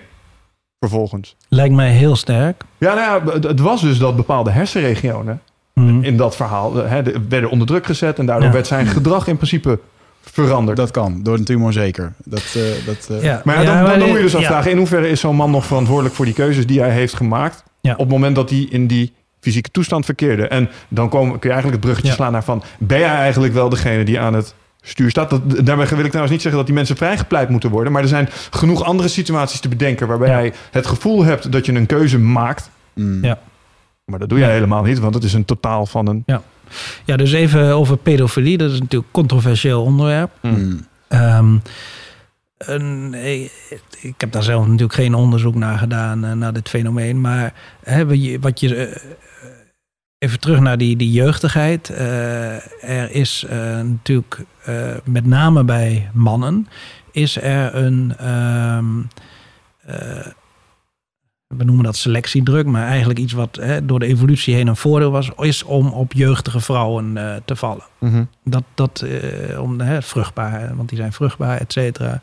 En je zou pedofilie kunnen zien als een excess in die zin van een, eh, iemand die weer buiten de normale, de standaard deviatie van eh, Ja. jeugdigheid op extreme jeugdigheid valt. En Ja, want je doet die selectie op jeugdigheid, omdat je weet dat eh, op dat moment de metertjes bij desbetreffende dame in het groen ze is jong, Ja. ze zit vol goede hormonen, ze is op haar vruchtbaarst. Dat is waarom je Ja, en, en, eh, en, ja, en wat interessant is in het gebied van pedofilie, is dat het eigenlijk in alle culturen voorkomt. En Mhm. ook in de hele traditionele, laten we zeggen, primitieve samenlevingen, er een bepaalde voorkeur is voor jonge meisjes. Hm. Eh, en natuurlijk, en dat is het andere verhaal, en dat moet ik misschien ook nog eens eh, gewoon hier zeggen, is evolutionair psychologen zijn bezig met verklaren Ja. van waarom komt dit. Maar wij zijn niet bezig met eh, de vraag: is dit nou moreel ja. goed of niet? Hè? Dat, eh, dat, het feit dat eh, eh, bijvoorbeeld eh, agressie natuurlijk is onder sommige omstandigheden, praat het niet goed. Dus, hè, hier een, hierbij een disclaimer voor alle luisteraars. Ik probeer te verklaren, maar ik probeer niet te zeggen: dit is moreel juist of dit is moreel. Daar moet de samenleving uiteindelijk onder andere. Dus ik kan wel zeggen: pedofilie er zou een verklaring kunnen zijn in dat het eh, een, een extreme eh, vorm is van het vallen op jeugdigheid. Maar daarmee is het nog wel moreel verwerpelijk in deze samenleving, in Ja. deze context. En Ja. moeten we er alles aan doen om die mensen te helpen of op een andere manier aan hun behoeften te laten komen of te verwijderen soms. Mhm. Mm. Ja, soms dat, ja, is dat de enige optie binnen de maatschappij. Maar ja, dat doen we natuurlijk ook al zolang als we samenlevingen en nederzettingen zijn gaan, zijn gaan bouwen. Er kwamen redelijk snel een set aan spelregels. Dit doen we wel, Ja. dit doen we niet. En eh, hier heb je een groepje mensen eh, die gaan ervoor zorgen dat het ook op die manier gebeurt. Doe je dat niet? Nou ja, vroeger gingen ze daar iets rigoureuzer mee om. Dan ben je een heks, word je op de brandstapel gegooid. Bij wijze van spreken. Ja. Nee, dat klopt. Maar het bruggetje dat ik wel Oh ja, even vrije wil, wilde ja. maken was inderdaad eh, even een uh, en passant klein onderwerpje. Vrije wil. Ik hoorde jou net redelijk stellig zeggen, vrije wil bestaat niet. Ja, nou ja, En dan ik de- en dan- citeer dan een boek van een collega van mij. ja, eh, en dan vraag ik me altijd af, ehm, wat, vind je er zelf van? Klopt dat? Ja, echt een heel moeilijk onderwerp. Ik heb daar Hmm. ook nog niet, niet heel veel over nagedacht. Maar ehm, oké, de, de- twee dingen zou je kunnen beredeneren. Eh, De, de eerste, dat is de, de eh, vrije wil heeft een functie. Dat is de ene. En het is ingebakken in onze evolutie. eh, het is bij de mens en misschien niet bij andere dieren. Dus het moet een functie hebben. Nou, wat is dan die functie, kun je je afvragen, van de vrije wil? En de andere verklaring is, ja, hè, je hebt gewoon een groot brein, je denkt over dingen, na en ehm, dat brein stelt jou ook in staat om eh, in alternatieve scenario's na te denken. Dat is een bijproduct eigenlijk van een groot brein. Ja. Dus het is, heeft eigenlijk geen functie. Hè, zoals, eh, weet ik veel, hè, deze microfoon heeft een functie, maar eh, wat is, waarom is dit nou zo? Ja. Waarom ligt dit in een hoek? Het had niet in een hoek hoeven liggen, het had ook zo lang. Want nou ja, dat, gewoon, dat heeft iemand een keer bedacht. Ja. Dus vrije wil zou ook wel eens geen functie kunnen hebben. En gewoon iets, omdat we natuurlijk intelligent zijn. Dus wat je zegt is, eigenlijk zie je de opties die er zijn. Je ziet ze wel. En je krijgt een beetje het idee dat je gekozen hebt. Ja. Dus, Mm, maar je hersenen bepalen uiteindelijk. Dus sommige evolutionair psychologen zeggen... vrije wil gaat eigenlijk over dingen die niet echt belangrijk zijn voor de mens. Mm. Dus van oh, welke auto ga ik rijden, welke kleur, eh, Ja. wat, voor, wat voor huis eh, ga ik wonen, waar ga ik op vakantie. Dat is vrije wil. Welke cereals ga ik voor breakfast nemen.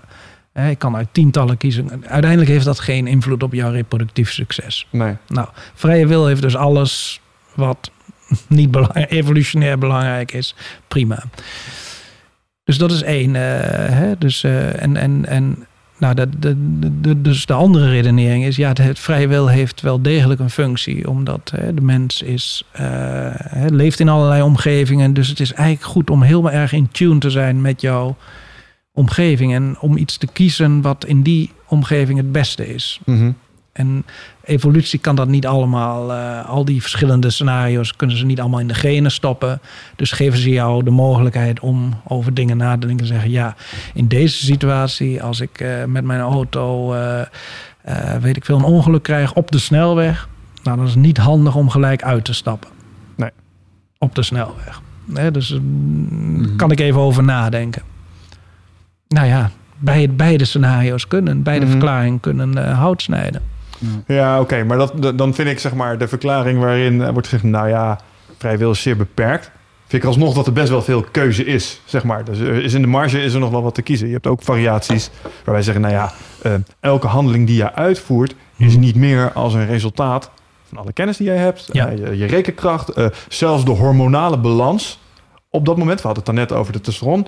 Stel je toch eens voor, ik heb gisteren benen getraind en ik heb net iets meer van dat spul in mijn bloedzombaan eh, als dat ik normaal gesproken had. En nu zit ik in één keer heel anders in mijn vel. Ja. Dus waar ik als ik niet dat had gedaan, eh, zou ik compleet anders hebben gereageerd als nu. Dus het is Ja. echt helemaal een samenspel van alle variabelen. Maar ja, dat maakt het hele universum ook volledig Hm. deterministisch.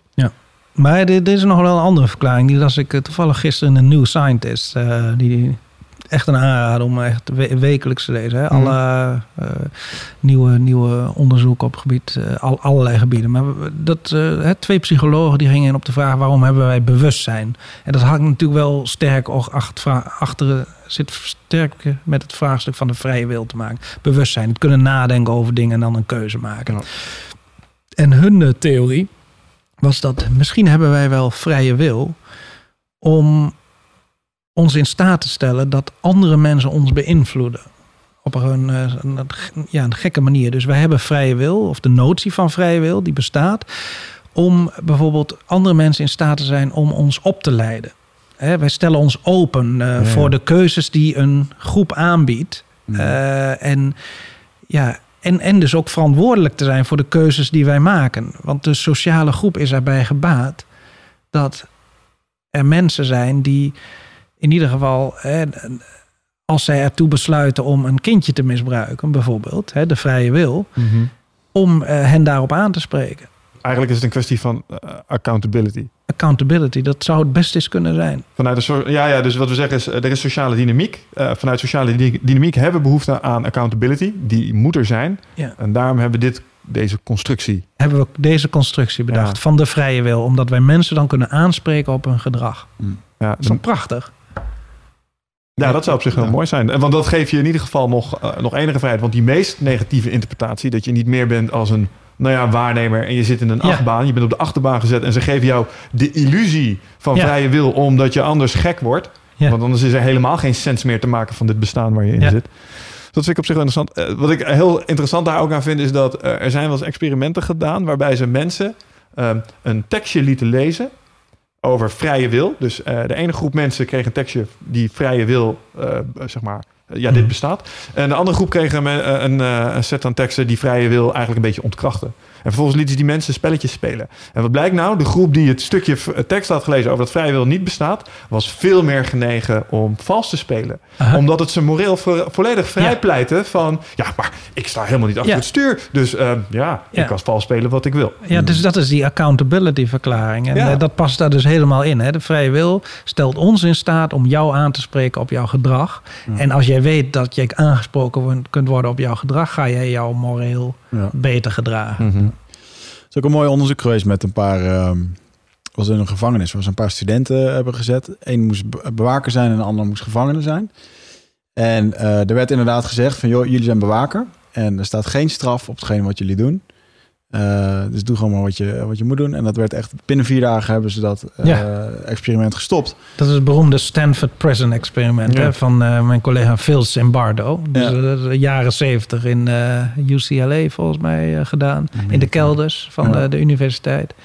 Ja, nee, eh, eh, sadisme en dergelijke. Ja, ik vind dat, een, dat is natuurlijk een heel interessant en baanbrekend onderzoek. kwam ook een beetje uit die eh, sociale psychologie... die Mhm. probeerde na de oorlog antwoord te geven op de vraag... waarom gedragen mensen zich zo sadistisch bijvoorbeeld? Ja. Waarom gaan ze mensen martelen? Of mensen zelfs uitroeien? eh, eh, Milgram-experiment, Zimbardo-experiment.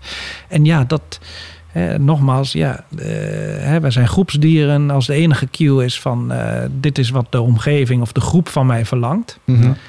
dan ga ik mij zo gedragen. Maar, en dan zeg ik nog wel, oké, in bepaalde situaties, hebben bijvoorbeeld tussen gevangenen en bewakers, kan al snel een soort intergroep conflict ontstaan. Hè? De groep gevangenen ten opzichte van de groep bewakers. Nou, Ja. er zijn bewakers als de dood voor een gevangenis, dat dat gebeurt. Ja. Dus dan willen ze al, ten alle tijden willen ze dat voorkomen.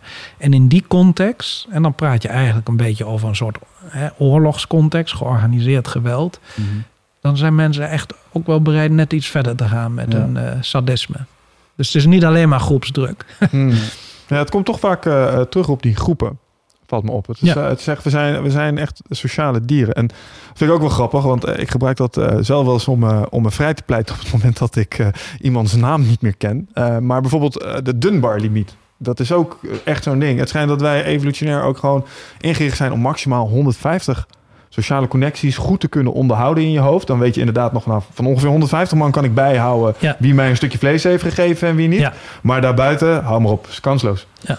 Al die mensen die ik op LinkedIn heb staan, ik, het is Ja. ook onmogelijk om ze te onthouden op Ja. Facebook eigenlijk. Ja, de, of het er precies 150 zijn, Ja, dat, dat is natuurlijk maar de eh, vraag. Maar hè, wat, zit een limiet aan. wat eh, Dunbar's onderzoek duidelijk maakt. en hij, hij is een collega in Oxford van mij. Hij zit bij de psychologie en ik zit bij een instituut voor antropologie. En wat hij heeft duidelijk gemaakt is eigenlijk... Is, ja, ons brein is ook hè, ons sociaal. Het is weliswaar sociaal, maar het is ook beperkt. Mhm. Het, is een, het kan maar een beperkt aantal relaties in ons hoofd aan. En natuurlijk is het wel zo dat binnen die 150 niet iedereen gelijk is. Hè? En dat is wel heel belangrijk. Dus hè, wat uniek is aan de mens, eh, is natuurlijk hè, de grootte van de groep. Mhm. Hè, 150. Hè. Chimpansees leven in groepen van ongeveer 50 bijvoorbeeld. Eh, gorilla's maar in groepjes van 10. Nou, dan zie je echt duidelijke verschillen. En dat zie je ook terug in eh, hoe groot een brein is. Maar de mens is, ja, wat ook belangrijk is, zijn die lagen. Dus hè, de eerste laag eigenlijk is eh, de, jouw eh, man of vrouw. Jou in, in, een, in, in een huwelijk. Hè, eh, wij zijn een hè, mono- redelijk monogame soort. En die band is eigenlijk belangrijk. En daar, ja, en, en daar gebeurt eigenlijk heel veel. Dus die, die twee, die cirkel van twee, is ontzettend belangrijk. Daar deel je ontzettend veel eh, ervaring mee. En dan heb je een, een kliek van ongeveer vijf tot acht eh, personen. En dan heb je weer een groepje van vijftien daaromheen. Is dat eh, trouwens een natuurlijke organisatievorm, die één op één relatie? Of is dat toch ook wel enigszins ingegeven door judeo-christelijk gedachtegoed bijvoorbeeld? Of was dat van Nee. vanaf het begin al zo? Ik heb eens Nee. een boekje gelezen van Chris Ryan, dat ging uh, Sex at Dawn. En dat ging over eh, groepen, Eh, zeg maar hoe die vroeger met elkaar omgingen. Dat monogamie daar eigenlijk een, dat werd daar niet toegepast. Het, het was een soort, ja, het was een commune. En ook dat werd onderling vrijgelaten. Eh toen keek ze een beetje naar de Bonobo, die Ja. op die manier ook zijn groepstress reguleerde, zeg maar. Ja, wij, ja. ja, dat is een interessante gedachte, maar niet waar volgens mij. Nee, dat is, wij zijn, natuurlijk, wij hebben ook neigingen tot eh, eh, polygamie of veelwijverij, of hoe je het ook wil noemen. eh, ehm, maar als je nogmaals een vergelijking tussen de eh soorten en hoe karakteriseer je nou de mensensoort, dan zitten wij toch aan de monogame kant van de medaille, zeg maar. En dat betekent in feite, en daar zijn ook wel allerlei verklaringen voor, maar dat mensen over het algemeen zoeken naar een levenspartner eh, waarmee zij een gezin eh, stichten. Ehm, en die, die neiging is evolutionair ingebakken. Onder bepaalde omstandigheden, bij bepaalde mensen en bepaalde samenlevingen, ehm, wordt dat meer of minder gestimuleerd. Mm. In de christelijke samenleving wordt het erg gestimuleerd. Ja. Op straffen van, hè, want Mm. polygamie is wettelijk verboden volgens mij. Maar ook in samenleving waar dat niet eh, wettelijk verboden is, zoals bij de, hè, de Koen, de bosjesmannen in Botswana, daar zie je eigenlijk ook al dat de meerderheid, eh, iets van 90% of zoiets, is gewoon monogaam. En soms betekent dat wel dat eh, als de, de, de partner doodgaat, dat ze een nieuwe partner nemen. Soms wordt er ook gesche- gescheiden, maar dan gaan we weer naar een redelijk monogame relatie met een andere Ja. eh, persoon. Maar Dus- is er niet ook zoiets als een monogame relatie met één eh, hoofdvrouw en daarna nog drie andere vrouwen? Want dat zie je Dat ook- is polygamie in feite. Dat is jouw Dat- gewenste uitgang. Nee, maar dat zie je veel bij... eh, Nou, Hier willen wij terechtkomen, begrijp ik. ik, ben, e- ik ben eventjes mijn eigen toekomst aan het uitspreken. toch? Wat, ik- wat ik wel en niet Mag kan doen. lukken? En even hoe ik dit kan uitleggen op een eerste date. Absoluut niet. Eh, Nee. dan kan Ja, ik, ik, heb een, eh, ik heb een evolutionair eh, psychologieprofessor gesproken en die zei dat het eh, echt volkomen normaal Ja. was als we dat op deze manier deden. Dus, maar ik bedankt. Maar in ieder geval, ehm, over, die terug, over die, die, die stammen. Want ik ben zelf onwijs eh eh, into ehm, eh, dat soort samenlevingen, hoe dat ze leven en van een, hoe dat ze gaan jagen tot en met. En er zijn gewoon stammen waarbij bijvoorbeeld, als men gaat jagen, dat er bijvoorbeeld een vrouw wordt meegestuurd. voor de behoeftes van de man. En dat er ook vrouwen achterblijven. Eh, en dat er dan dus ook een jager achterblijft om die vrouwen eh, te bevredigen. Maar Van dat soort, en dat is natuurlijk per stam is dat helemaal verschillend. die gast regelen. echt de beste klus. Ja. Ja, bijvoorbeeld in Maleisië, in eh, eh, Borneo, de kopsnellers. Daar ben ik ook geweest, diep in de binnenlanden. Ja, dan was het toch redelijk normaal dat men eh, twee of drie vrouwen had. Hm. En ehm, ze waren denk ik wel monogaam aan die drie. Het is niet zozeer van eh, dat het dan allemaal maar één grote orgie is daar in Nee. de bush bush. Nee. Eh, maar ik vond het interessant om dat te zien. En het, eh, ja, het leek Ja, en- harmonie te leven. Net dat ik er wat langer over nadenk, begin ik me af te vragen of dat überhaupt wel zo ideaal is. Ja, Ja, dat is-. Als je niet Ja. weet. Ja, het is, het is he- heel lastig. Ja, ook, ik, kijk, hier, hier zit een, een, een belangrijk seksueel conflict tussen mannen en vrouwen. Ligt hier aan ten grondslag. Hè. Uiteindelijk heeft het, de oplossing van het conflict kan tussen de verschillende evolutionaire van belangen van mannen en vrouwen kan liggen in monogamie. Maar hè, bij de man eh, uiteindelijk is er steeds wel de neiging, ook omdat het hun reproductieve voordeel biedt, om ook eens eh, te kijken buiten je monogame relatie. Ja. Eh, de man is natuurlijk vruchtbaar tot aan- tot hij doodgaat. Eh, de vrouw is een beperkte periode vruchtbaar. Maar ook bij de vrouw zijn er soms belangen om hè, te kijken buiten jouw relatie. Van waar kan ik betere mannen met betere genen vinden, eh, bijvoorbeeld. Dus die conflicten spelen zich eh, uit. En die spelen zich al miljoenen jaren uit. En die leiden tot een samenleving waar een redelijke vorm van monogamie is. Maar onder bepaalde omstandigheden. eh, bijvoorbeeld de omstandigheden waarin er eh, eh, duidelijk één man of meerdere mannen meer bezittingen hebben. Ehm, hè, na de landbouwrevolutie was dat duidelijk het geval, werd dat Mhm. uitvergroot. Maar als een man duidelijk meer status heeft dan de anderen, dan is het misschien in het evolutionaire belang van de vrouw om zich aan te sluiten als tweede vrouw bij die hele succesvolle man, in Mhm. plaats van eh, het aan te sluiten bij één man die een loser is. Maar is dat dan omdat, hun, eh, omdat die welvaart die hij heeft verzameld iets zegt over zijn, de kwaliteit van zijn genen? Of zit daar misschien ook meer in, deze man gaat ervoor zorgen dat mijn kinderen voorlopig nog te eten hebben? ja, wat volgens mij iets anders is. Nou ja, uiteindelijk kan jouw belang op verschillende manieren tot uiting komen. Hè? Hmm. Beter genetisch materiaal, dat wordt direct doorgegeven aan je kinderen. Eh, of inderdaad, eh, die eh, man is in staat om de kinderen te voeden en zorgt ervoor dat ze niet komen te overlijden voor een tiende levensjaar. Ja, maar wat we dus zijn gaan doen, en dat vind ik altijd grappig aan dit spelletje, is dat we allerlei sociale dingen zijn gaan. we zijn de, bijvoorbeeld veel geld hebben. Daar hebben we een bepaalde kwaliteit aan toegedicht. En dat, Ja. dat zegt iets en dat is statusverhogend. En, en daarmee zeggen we dus eigenlijk, of misschien is dat wel niet wat ze zeggen, maar daarmee is hij ook eigenlijk een beter genenpakket. Want hij is in staat om in deze sociale dynamieken meer Ja. te verwerven. Ja. Dus dat is eigenlijk wat we daarin zien. Wat heeft, eh, want je had het net over de, eh, die agrarische eh, revolutie. Datzelfde boek wat jij net zei, Michel, die Chris Ryan met Mm. Sex- Till Dawn, ehm, waar die op een gegeven moment ook beschrijft van toen die agrarische revolutie, daar kwam die landbouwrevolutie, toen zijn we op een gegeven moment gaan zeggen van nou, ik bouw hier een waterput en dat is van mij en je gaat het opbouwen en je, je, je klemt in één keer je eigen gebied. Wat hij daar ook nog bij beschrijft, is dat op een gegeven moment toen religie eh, daarbij kwam, dat een van de regels eh, zegt van gij zult niet aan andermans vrouw komen. Mm. Dat is iets dat heeft de Neandertaler niet opgeschreven, zeg maar, die regel. Ehm, zijn visie daarop is dus dat op een gegeven moment toen die, eh, toen die revolutie kwam en men ging eh, voor zichzelf eh, een eigen eh, ja, gebiedje beschermen, dat daar dus ook het, het toe-eigenen van een vrouw eh, bij kwam. Of van een gezin. Of juist niet toe eigenlijk. Gij zult niet. Dat Nou, betekent het al dat je niet nee, maar daarmee werd vrouw bezit. Met andere woorden, is mijn vrouw. Dat bleef jij vanaf. Ja. Is niet haar keuze, het is mijn keuze. Ja, Dat is denk ik wat... eh, ja, bedoelt. nou ja, dus, eh, en, maar de- denk je, nou, denk je nou echt dat eh, bij de, de jager-verzamelaars het eh, oké was eh, dat eh, ik aan eh, jouw vrouw ging zitten? Ik denk dat dat, ehm, dat ligt, dat ligt in, in, in, de, in de context. Zaterdagavond met een paar biertjes. Nee, Oh, misschien. ja, ik weet niet. Ik weet niet En zo inderdaad. van toe maar. Nee, ja, Ja, maar nee, toch absoluut ook? niet. Ja, maar we zijn geen boos. Ja, ja, oké, we zijn geen bonen. En we zijn geen simpels. Wij zijn Ja. ook uniek menselijk. Ja. En bij uniek menselijk hoort ook dat jij jou gedraagt. En Mhm.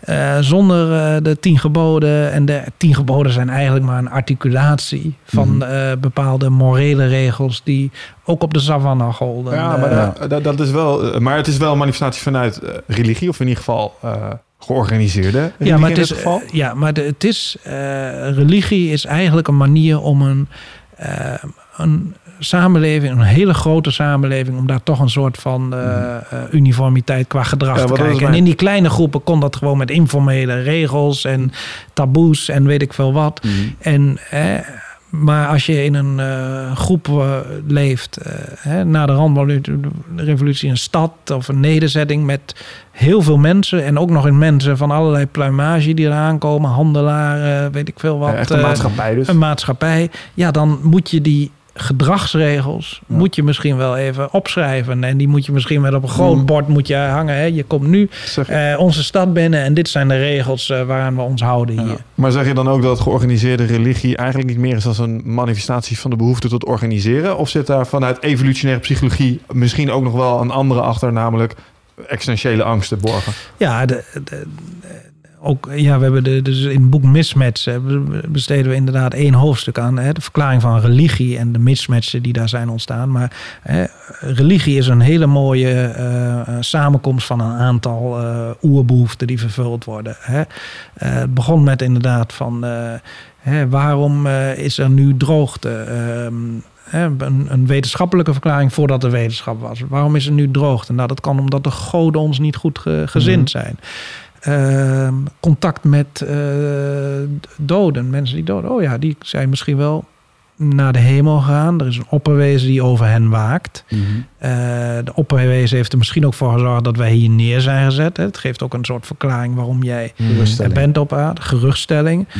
Omgaan met jouw eigen sterfelijkheid. Van hé, hey, eh, ik ben ziek, anderen om me heen zijn ziek. misschien hebben we iets gedaan wat niet... Hè, die wetenschappelijke verklaring wat niet helemaal goed eh, zit. Of, eh, maar ik kom straks in een betere wereld. Hè, de onderwereld of, of de bovenwereld. eh, ehm, hè, dus, en, en natuurlijk, religie is in staat om een, door al die rituelen... een grote groep mensen die misschien wel genetisch niet aan elkaar verwant zijn. Want voor je familie, daar heb je geen religie voor nodig. Daar, Ja. daar ben je voor bereid alles te doen. Maar voor die, die eh, buurman of eh, hè, die andere persoon in eh, Deventer, die zal je worst wezen. Mhm. Tenzij je een gemeenschappelijke religie hebt met rituelen. Je gaat samen naar de kerk, je komt samen samen.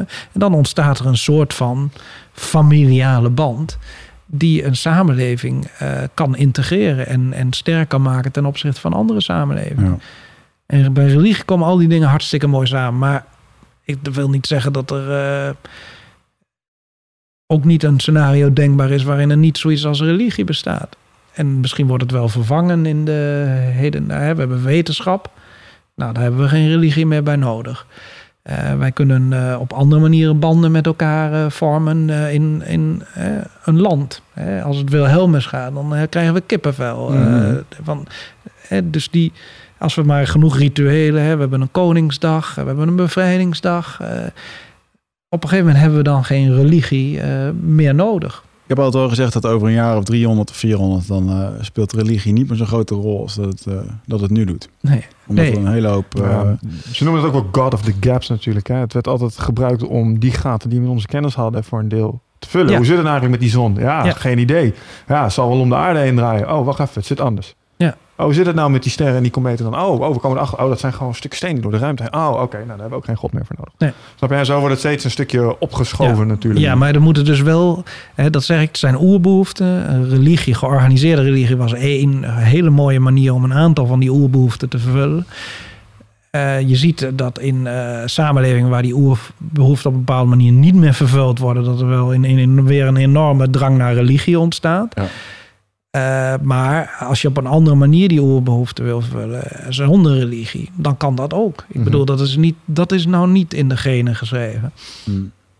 Nee, het gaat eigenlijk naar het zoeken op eh, een antwoord op een aantal van de Ja. nou die oerbehoeften die je Ja, hebt. Maar dan? bijvoorbeeld iets als doodsangst, ja, hoe zouden we dat kunnen vervangen? Ehm, hè, eh, mm, hè, er zijn natuurlijk wel pogingen van wetenschappers om het leven te verlengen. Mhm. Ja. Maar, Nou, er, misschien, willen, misschien willen mensen die nu 100 zijn ook e- echt wel een keer dood. maar zijn er niet ook eh, culturen, net als we hadden toevallig voor de uitzending nog even over, over bijvoorbeeld Egypte. Daar stond alles in teken van het hiernamaals.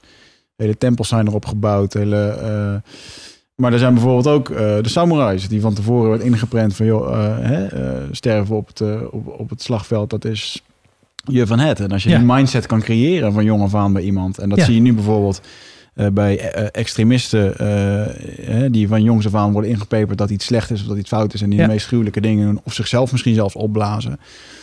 Wow, dan kun je mensen best wel ver pushen om. Ja. eh, Ja, eh, maar eigenlijk gaat het daar ook weer over, om overleving. Want dan gaat het om de volgende iteratie. mm, Mensen Ja. zijn al bezig met het hiernamaals. ja. Ja, maar de, de- de- hè, een van de verklaringen eh, die ik dan nog niet heb genoemd, en dat is natuurlijk eh, de eh, verklaring die eh, Richard Dawkins, God Delusion, eh, ook eh, aanhangt, is dat uiteindelijk is religie manipulatie. Manipulatie door, laten we zeggen, de heersende orde, Mhm. om jou dingen te laten doen die eigenlijk tegen jouw genetisch belang indruisen. Ja, controle, Ja, macht. controle en, en de controle macht, hè, zoals, nou ja, wanneer is Jezus, het christendom, eh, dat, dat is eigenlijk, heeft pas voet aan de grond gekomen doordat er zoveel eh, corruptie was bij de heersende religies, hè, Mhm. de priesters op de Tempelberg. Ja.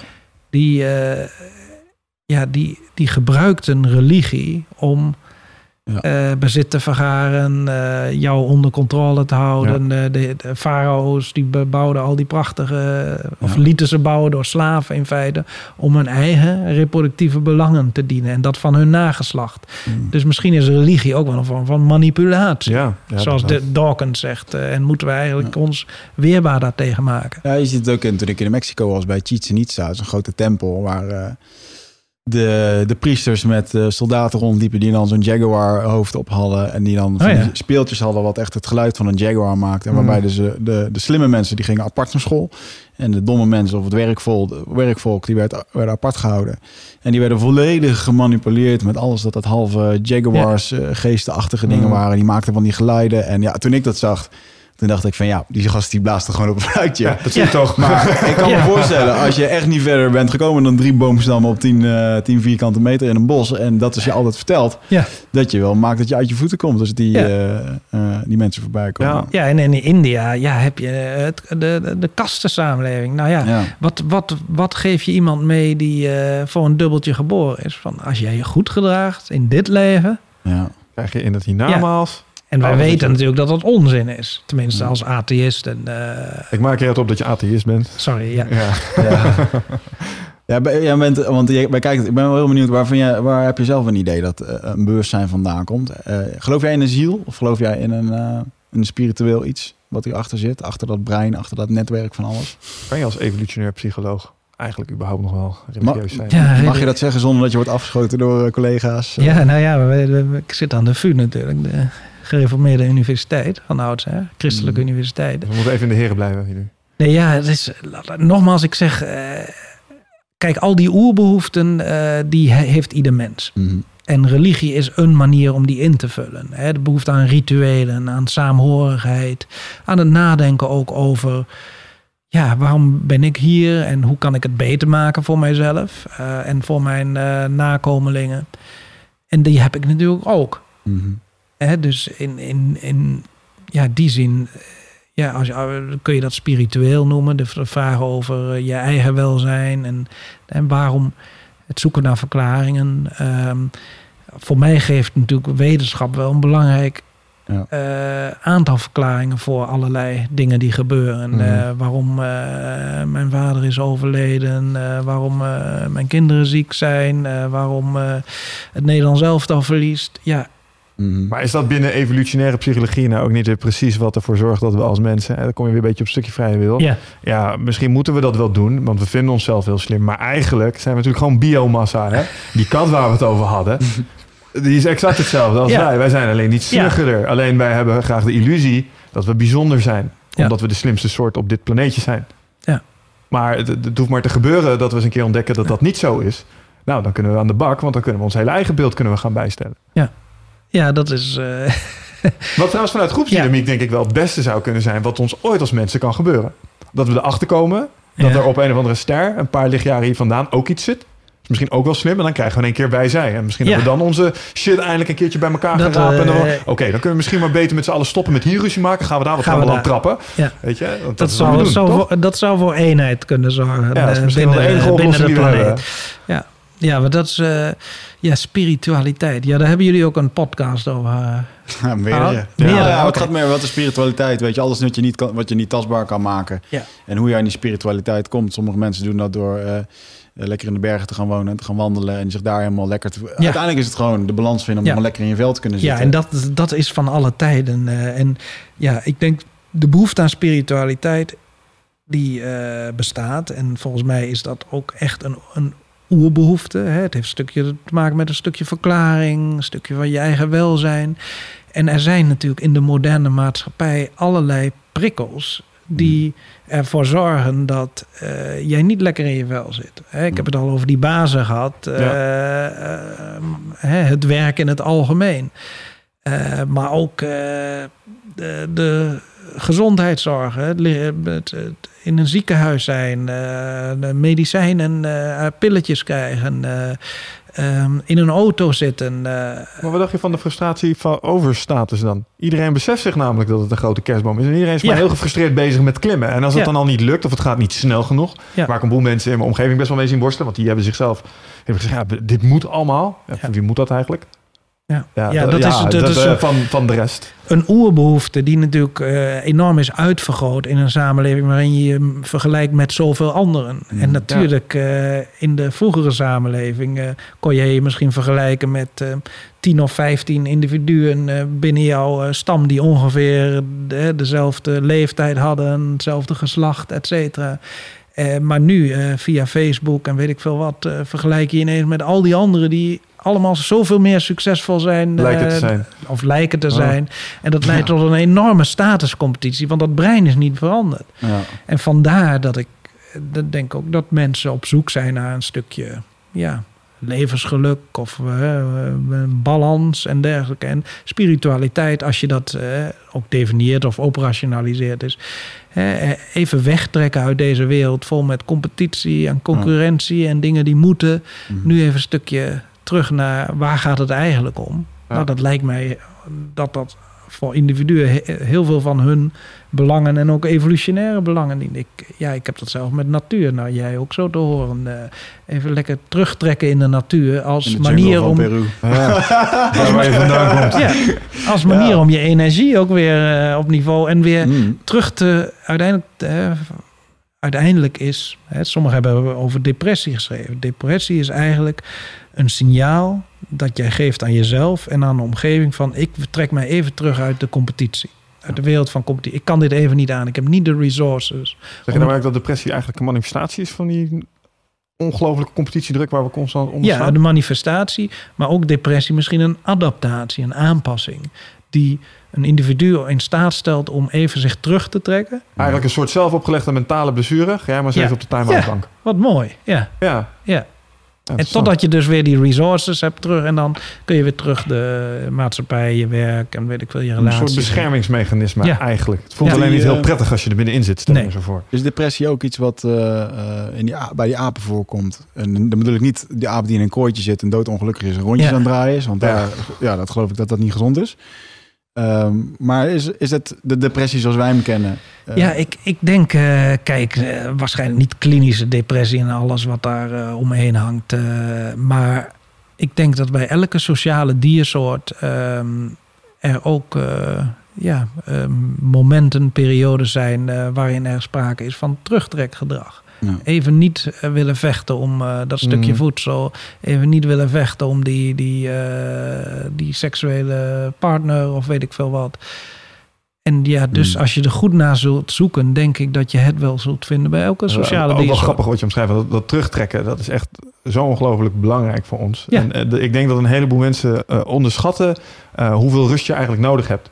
Want ehm, het is een veel gemaakt. Je ziet het bij sporters. Hè? Wij komen uit de sport en we begeleiden ook wel eens wat mensen bij sport. En mensen die dan aangaan op sport, die maken vaak de fout. Die gaan echt drie, vier, vijf keer per week gaan ze ineens naar de sportschool.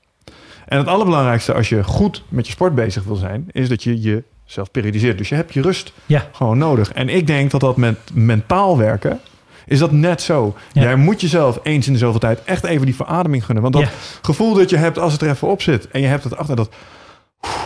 Dat, dat je echt even, oké, het is even weg. Ja. Dat is waar je geneest. Niet even, ja, ik zet de laptop nu een uurtje, eh uurtje Nee. eruit. Dan ben je niet Nee. aan het ontspannen. Nee, ja, daar hebben we ja, vakantie voor verzonnen. Ja. Of een sabbatical, of hoe je het ook wil noemen. Nou, en wat we dus doen is constant, die, waar we in het begin over hadden, die cortisol-adrenaline-reacties, die laten we constant een, een, een tax op ons Ja. lichaam leggen. Want we Zeker. blijven de hele tijd aan. En ik denk dat het echt belangrijk is dat mensen vaker in ieder geval, misschien Ja. zelfs wel eens per maand, gewoon zich even een klein beetje terugtrekken. Ga maar eens Ja. een keer de laatste week van je maand gewoon even niet afspraken buiten de deur maken. Ja. Zorg er maar voor dat je even, ja, ik Nou, we, hebben het in de in Mismatch hebben we het ook hè, over manieren om eh, inderdaad hè, bijvoorbeeld work-life balance, hè, de digitale detox. Ja. Ik had eh, toen ik in Engeland werkte, had ik een collega die ehm, dat was nog voor de tijd van de wifi.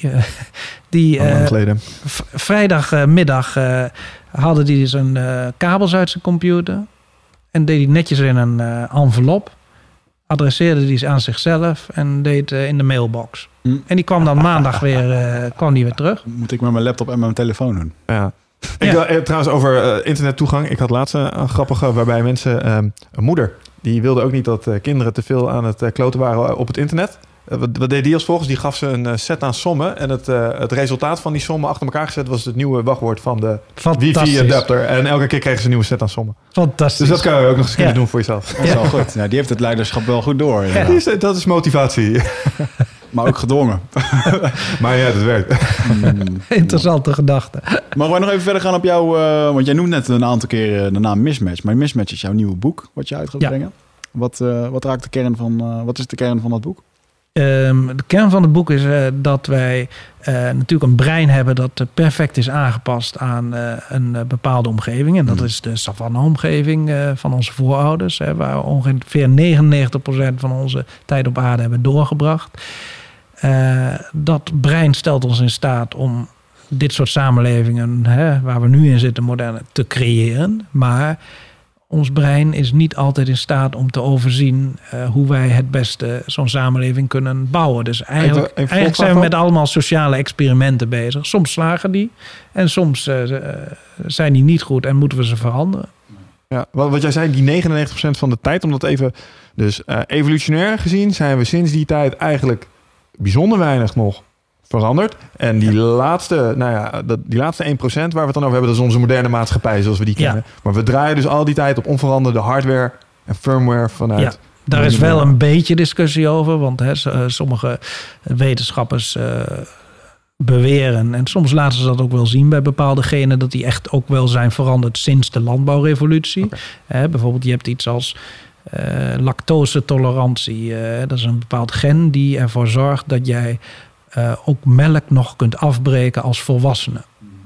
Nou, dat is een eh, gen wat eigenlijk alleen voorkomt bij eh, culturen die op een gegeven moment met die veeteelt aan de slag zijn gegaan. Hè? Die koeien zijn gaan Ja, houden, precies. kamelen en dergelijke. Noord-Afrika, Europa komt dat gen veel voor. Maar bij Aziatische landen die die sprang eigenlijk nooit gezet, komt dat niet voor. Mm. Hè, dus die zijn lactose intolerant. Die kunnen als babytje wel melk ja. afbreken, maar niet als volwassene.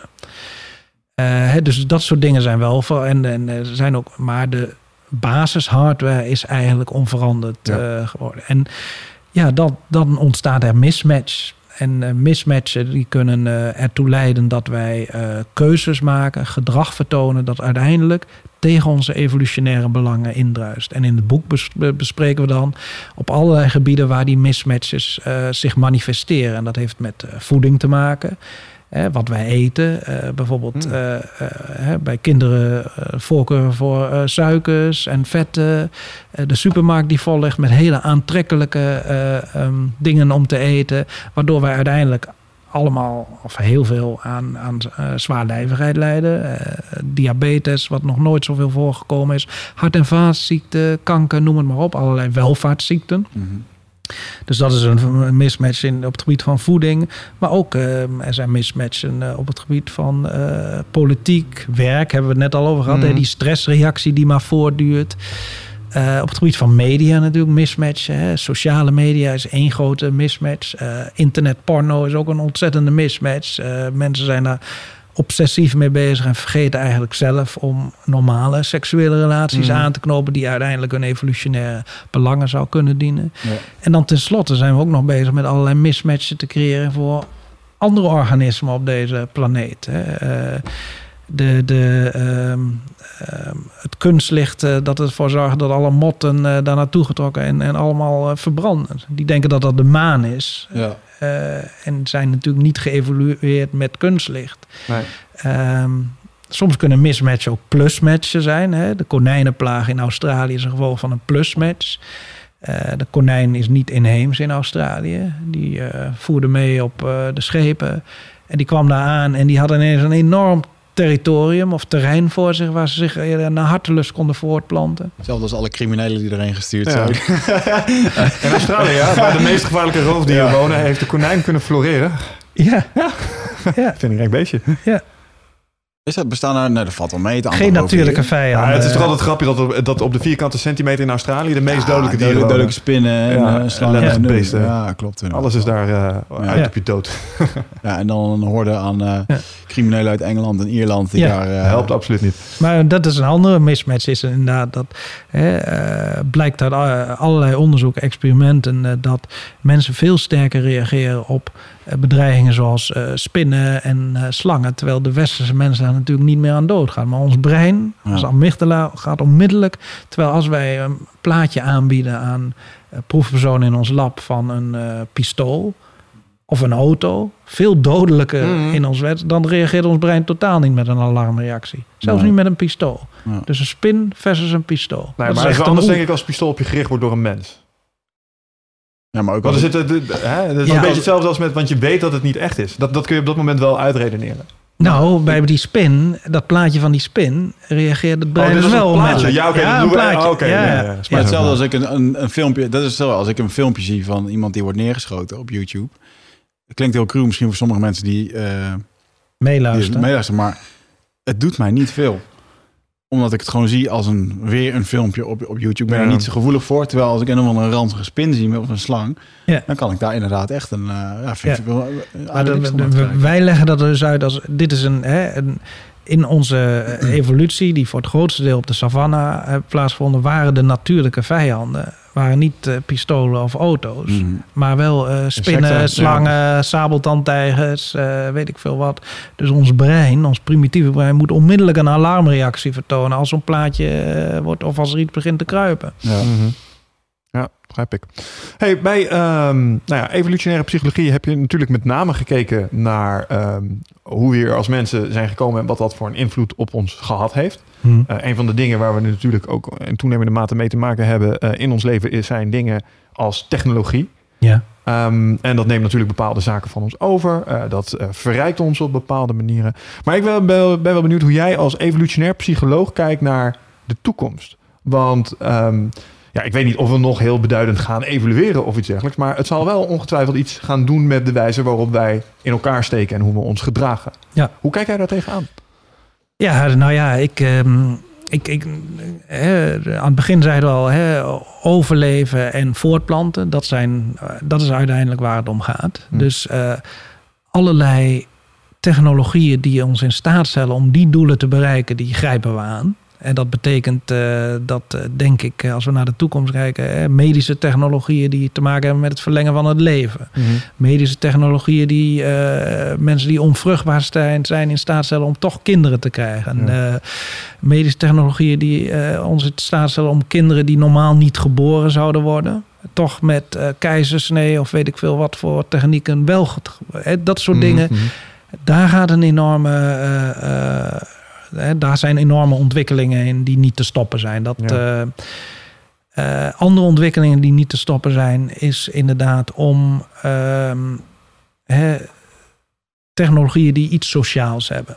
Die ons in staat stellen om toch onze behoefte aan status, ehm, welvaart, weet ik, te realiseren in met behoud van onze sociale netwerken. Hè. Dus eh, wat, je, wat, je, wat je ziet in de, de evolutie van de mens is eh, eh, ehm, dat op een gegeven moment eh, de tam-tam communicatie eh, via trommels.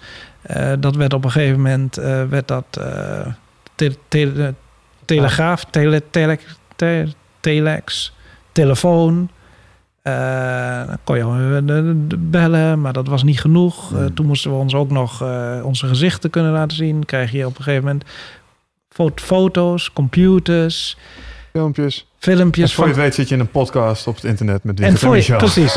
Dus dingen die ons in staat stellen. Ja, ik zou onmiddellijk, als ik in aandelen handel, zou ik onmiddellijk aandelen kopen van eh, bedrijven die technologieën verzinnen die ons in staat stellen eh, onze sociale netwerken op grotere afstand van elkaar te onderhouden. Hè, Facebook is daar natuurlijk een exponent Mhm. van, maar er zijn ook wel weer allerlei nieuwe dingen die hè, jij en ik, eh, wij zijn bijvoorbeeld neven van elkaar. Eh, wij zijn met elkaar opgegroeid. Wij willen graag naar Argentinië en Brazilië, Amerika gaan om te gaan werken en te slagen. Maar we willen wel onze contacten onderhouden. Ja. Nou, wat voor technologieën stellen ons in staat om dat te doen? Eh, dus en dat blijft. Die Ja, oerbehoefte. precies. Hè, dus technologieën die onze oerbehoeften realiseren, die, die zullen gaan groeien. En, en, ja. Maar of die nou fundamenteel ons veranderen, dat is wel helemaal de vraag. Ja, precies. Wauw, interessant. Veel stof tot nadenken weer. Het, het leven is één groot experiment, hoor ik hier. Ja, Ja, maar er is ook heel veel experimenten. Ja, falen. Ja. Fascisme, communisme. Ja. Al die ideo- ideologieën zijn sociale experimenten. wat is een lopend experiment waar we nu met z'n allen aan meedoen? Kapitalisme. Kapitalisme. Heb je daar Ja. goede hoop voor? Ehm, nou ja, ik, ik denk dat... Ik, ik denk, ik, ik denk, de, de mens uiteindelijk eh, is van nature meer links dan rechts georiënteerd. En dat betekent dat wij wel ons beter voelen in eh, hè, structuren met een sterke sociale eh, samenhang. Mhm. Met ook iets, natuurlijk wel verschillen, maar ook iets van egalitair delen en dergelijke. En, en ja, volgens mij, hè, als kapitalisme dat ook nog in zich krijgt, dan eh, hè, sociaal gezicht, Ja. Dat dan zou het kans van slagen hebben. Maar Ja, niet een een ongebreidelde. à la Noorwegen eigenlijk. Maar dat vind ik een grappig eh, wat je nu zegt. Want ik heb, eh, we hadden het er gisteren nog over. Ik had een of andere, eh, ik, weet niet eens waar ik het heb gezien, een of andere aflevering met een of andere leiderschapsgoeroe. Die zei eh, dat kwetsbaarheid een van de sterkste punten is die een leider op dit moment kan hebben. Oftewel, eh, die gewoon zegt van jongens, eh, de omzet blijft achter. Ik baal ervan, ik heb er vannacht van wakker gelegen. Hoe moeten we dit oplossen? En dat je daardoor in één keer ziet dat mensen een mouw op gaan stropen en zeggen van oké, Ja. dat gaan we doen. In plaats van dat hij zegt van jongens, het gaat slecht en we moeten dit doen en blablabla. En hè, de, eh, jij, jij beschreef dat op een andere manier. Ja, ik zei daarvan, ik weet niet of ik dat wel prettig zou vinden. Als mijn baas bij me zou komen, nou, ik weet niet of we het gaan redden hoor, deze maand. Eh, ik weet niet of ik jouw salaris zal kunnen uitbetalen. Ik wil gewoon dan een leider die, die gewoon het zien, hey, we gaan het fixen. I got this. Ja. Dat is wat ik wil zien. Nee, oké, maar, maar, dat, is, maar dat, is, dat is wel het andere uiterste. Dat iemand helemaal in zak en as zit. ja, nee, maar, natuurlijk. Ja. eh, maar wat ik mooi vond, dat jij vertelde dat men eh, van vroeger uit, in tijden van oorlog, Mm. dat men dan juist op zoek is Ja, naar die ja, leider ja, die gewoon ja, ja. over lijken ja. gaat. Eh, en tijden van vrede, waar we nu in Ja, zitten. vredestijdleiders noemde ik Ja. het. Ja. Je hebt vredestijdleiders. Zijn, eh, Ja. Dan is er vaak de behoefte aan wat, wat wijzer en wat meer eh, gemiddeld gedrag. Maar Ja. zodra het spannend wordt, laat dan die testosteronaap maar weer komen. Want Ja. dan moeten dingen kapot gebeukt worden. En dan kan hij beter. Dat is herkenbaar. Ja, daar hebben we inderdaad onderzoek naar gedaan. Hè. Het blijkt inderdaad dat mensen in oorlogstijd willen ze graag een eh masculine, wat Mhm. agressieve, fysiek sterke leider. En in vredestijd willen ze eigenlijk met name een leider die de samenwerking bevordert. En dat is mm, in ons onderzoek blijkt dan vaker een vrouwelijke leider te zijn. eh, eentje die wat meer hè, op coöperatief gedrag is gericht. En is dat ook wel de redding voor deze aardkloot? Wat, een vrouw. Vrouwelijke president. Meer vrouwen. Meer vrouwen aan het stuur. Ik denk meer vrouwen per man. dat zou goed zijn. Ja, ja, hier, gaat, Ja, eh, hier, ja, hier, maar dat- hier speelt evolutionaire psychologie Nee, dat, dat, dat kan niet. Hè. Uiteindelijk. Maar. Hoe bedoel je, biologisch gezien niet? Nee, ja, uiteindelijk zal die, die seksratio zal wel ongeveer 50-50 blijven. Maar is dat een zelfregulerend mechanisme? Zeker. Ja? Ja. Ja, Ja, dus, eh, daar zit dus een soort... Want, Ja, eh, dus binnen Wat ik nog van biologie weet, is het een soort van...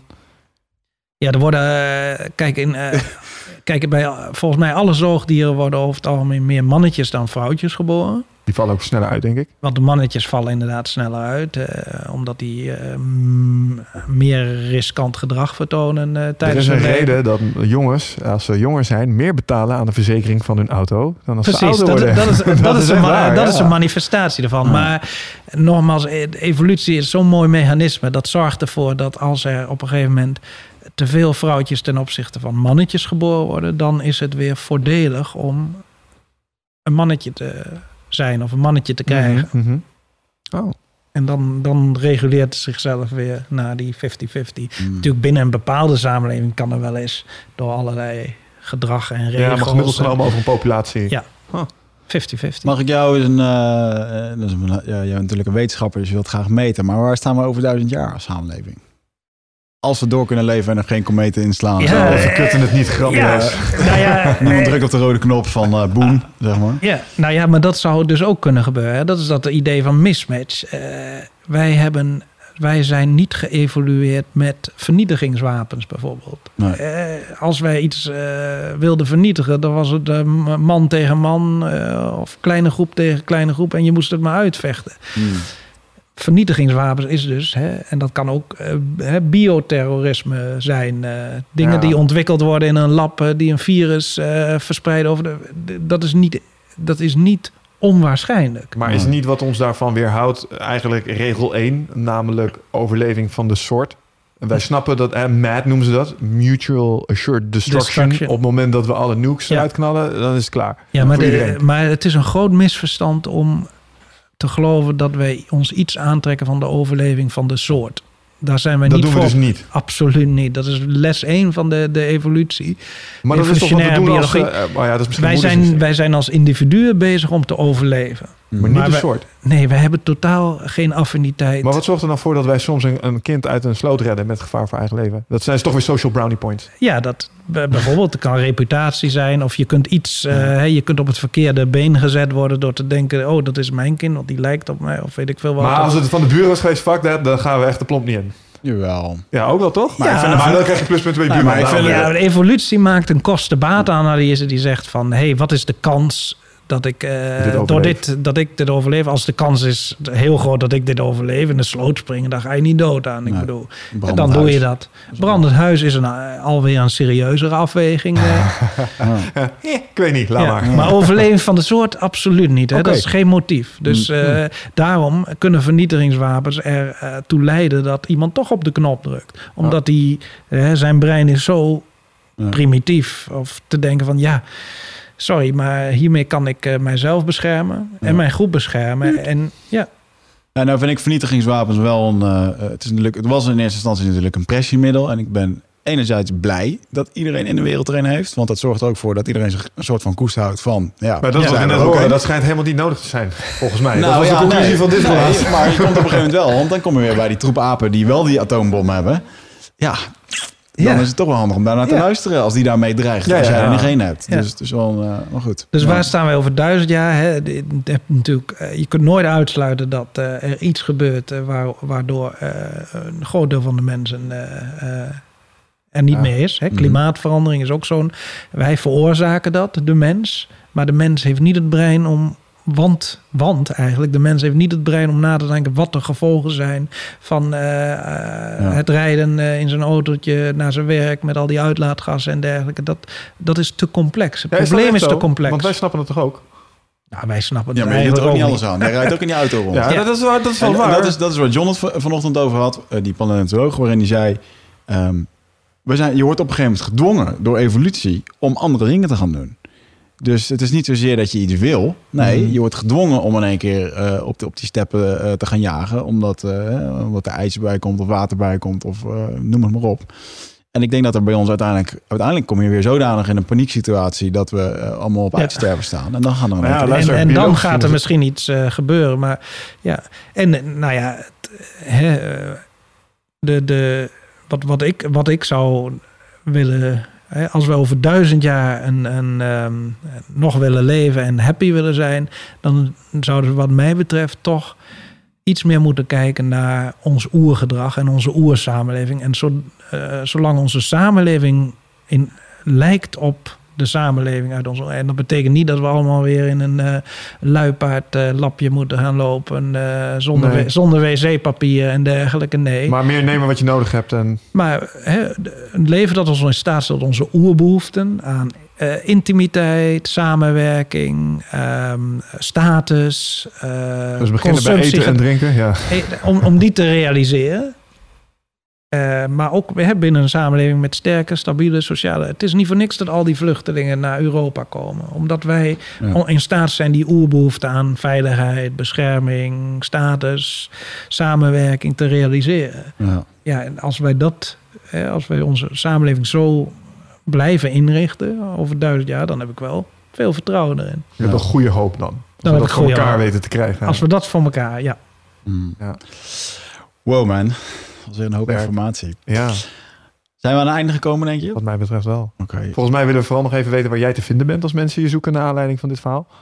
Ehm, aan de Vrije Universiteit. Ja, dat begrijp ik, maar heb jij nog een Twitter-account waar mensen je kunnen volgen? Zijn er Facebook-pagina's, websites waar ze even Website, website eh www.professormarkvanvught.com Ehm Twitter-account Mark van Vught 1 Eh, en mijn eh, regelmatige bijdrage in eh, de Volkskrant bijvoorbeeld, eh, die mensen kunnen lezen. Management Team, daar schrijf ik een column samen met Max Wildschut voor. En natuurlijk je nieuwe boek binnenkort, En een nieuw boek, ja. Mismatch. Wanneer te koop? Eh, waarschijnlijk in december bij uitgeverij Podium, geschreven samen met Ronald Gippard. Oké. Nou, we, we geven 100 gratis edities weg, zijn we Ja, hebben we net. gehoord. Eh, die jullie illegaal hebben gedownload. Ja, even, Dat doen we ja, even. Even, even de oergroepspressie erin duwen. maar eh, ehm, goed, we hebben het even gehad over oerbrein en dat soort dingen. Eh, wij worden gesponsord door Nutrifit. Dus voor degenen die wat met een oerbrein willen doen. En eh, terug naar de oertijd eh, willen qua voedingsmiddelen. Dan ben je bij ons aan het juiste adres.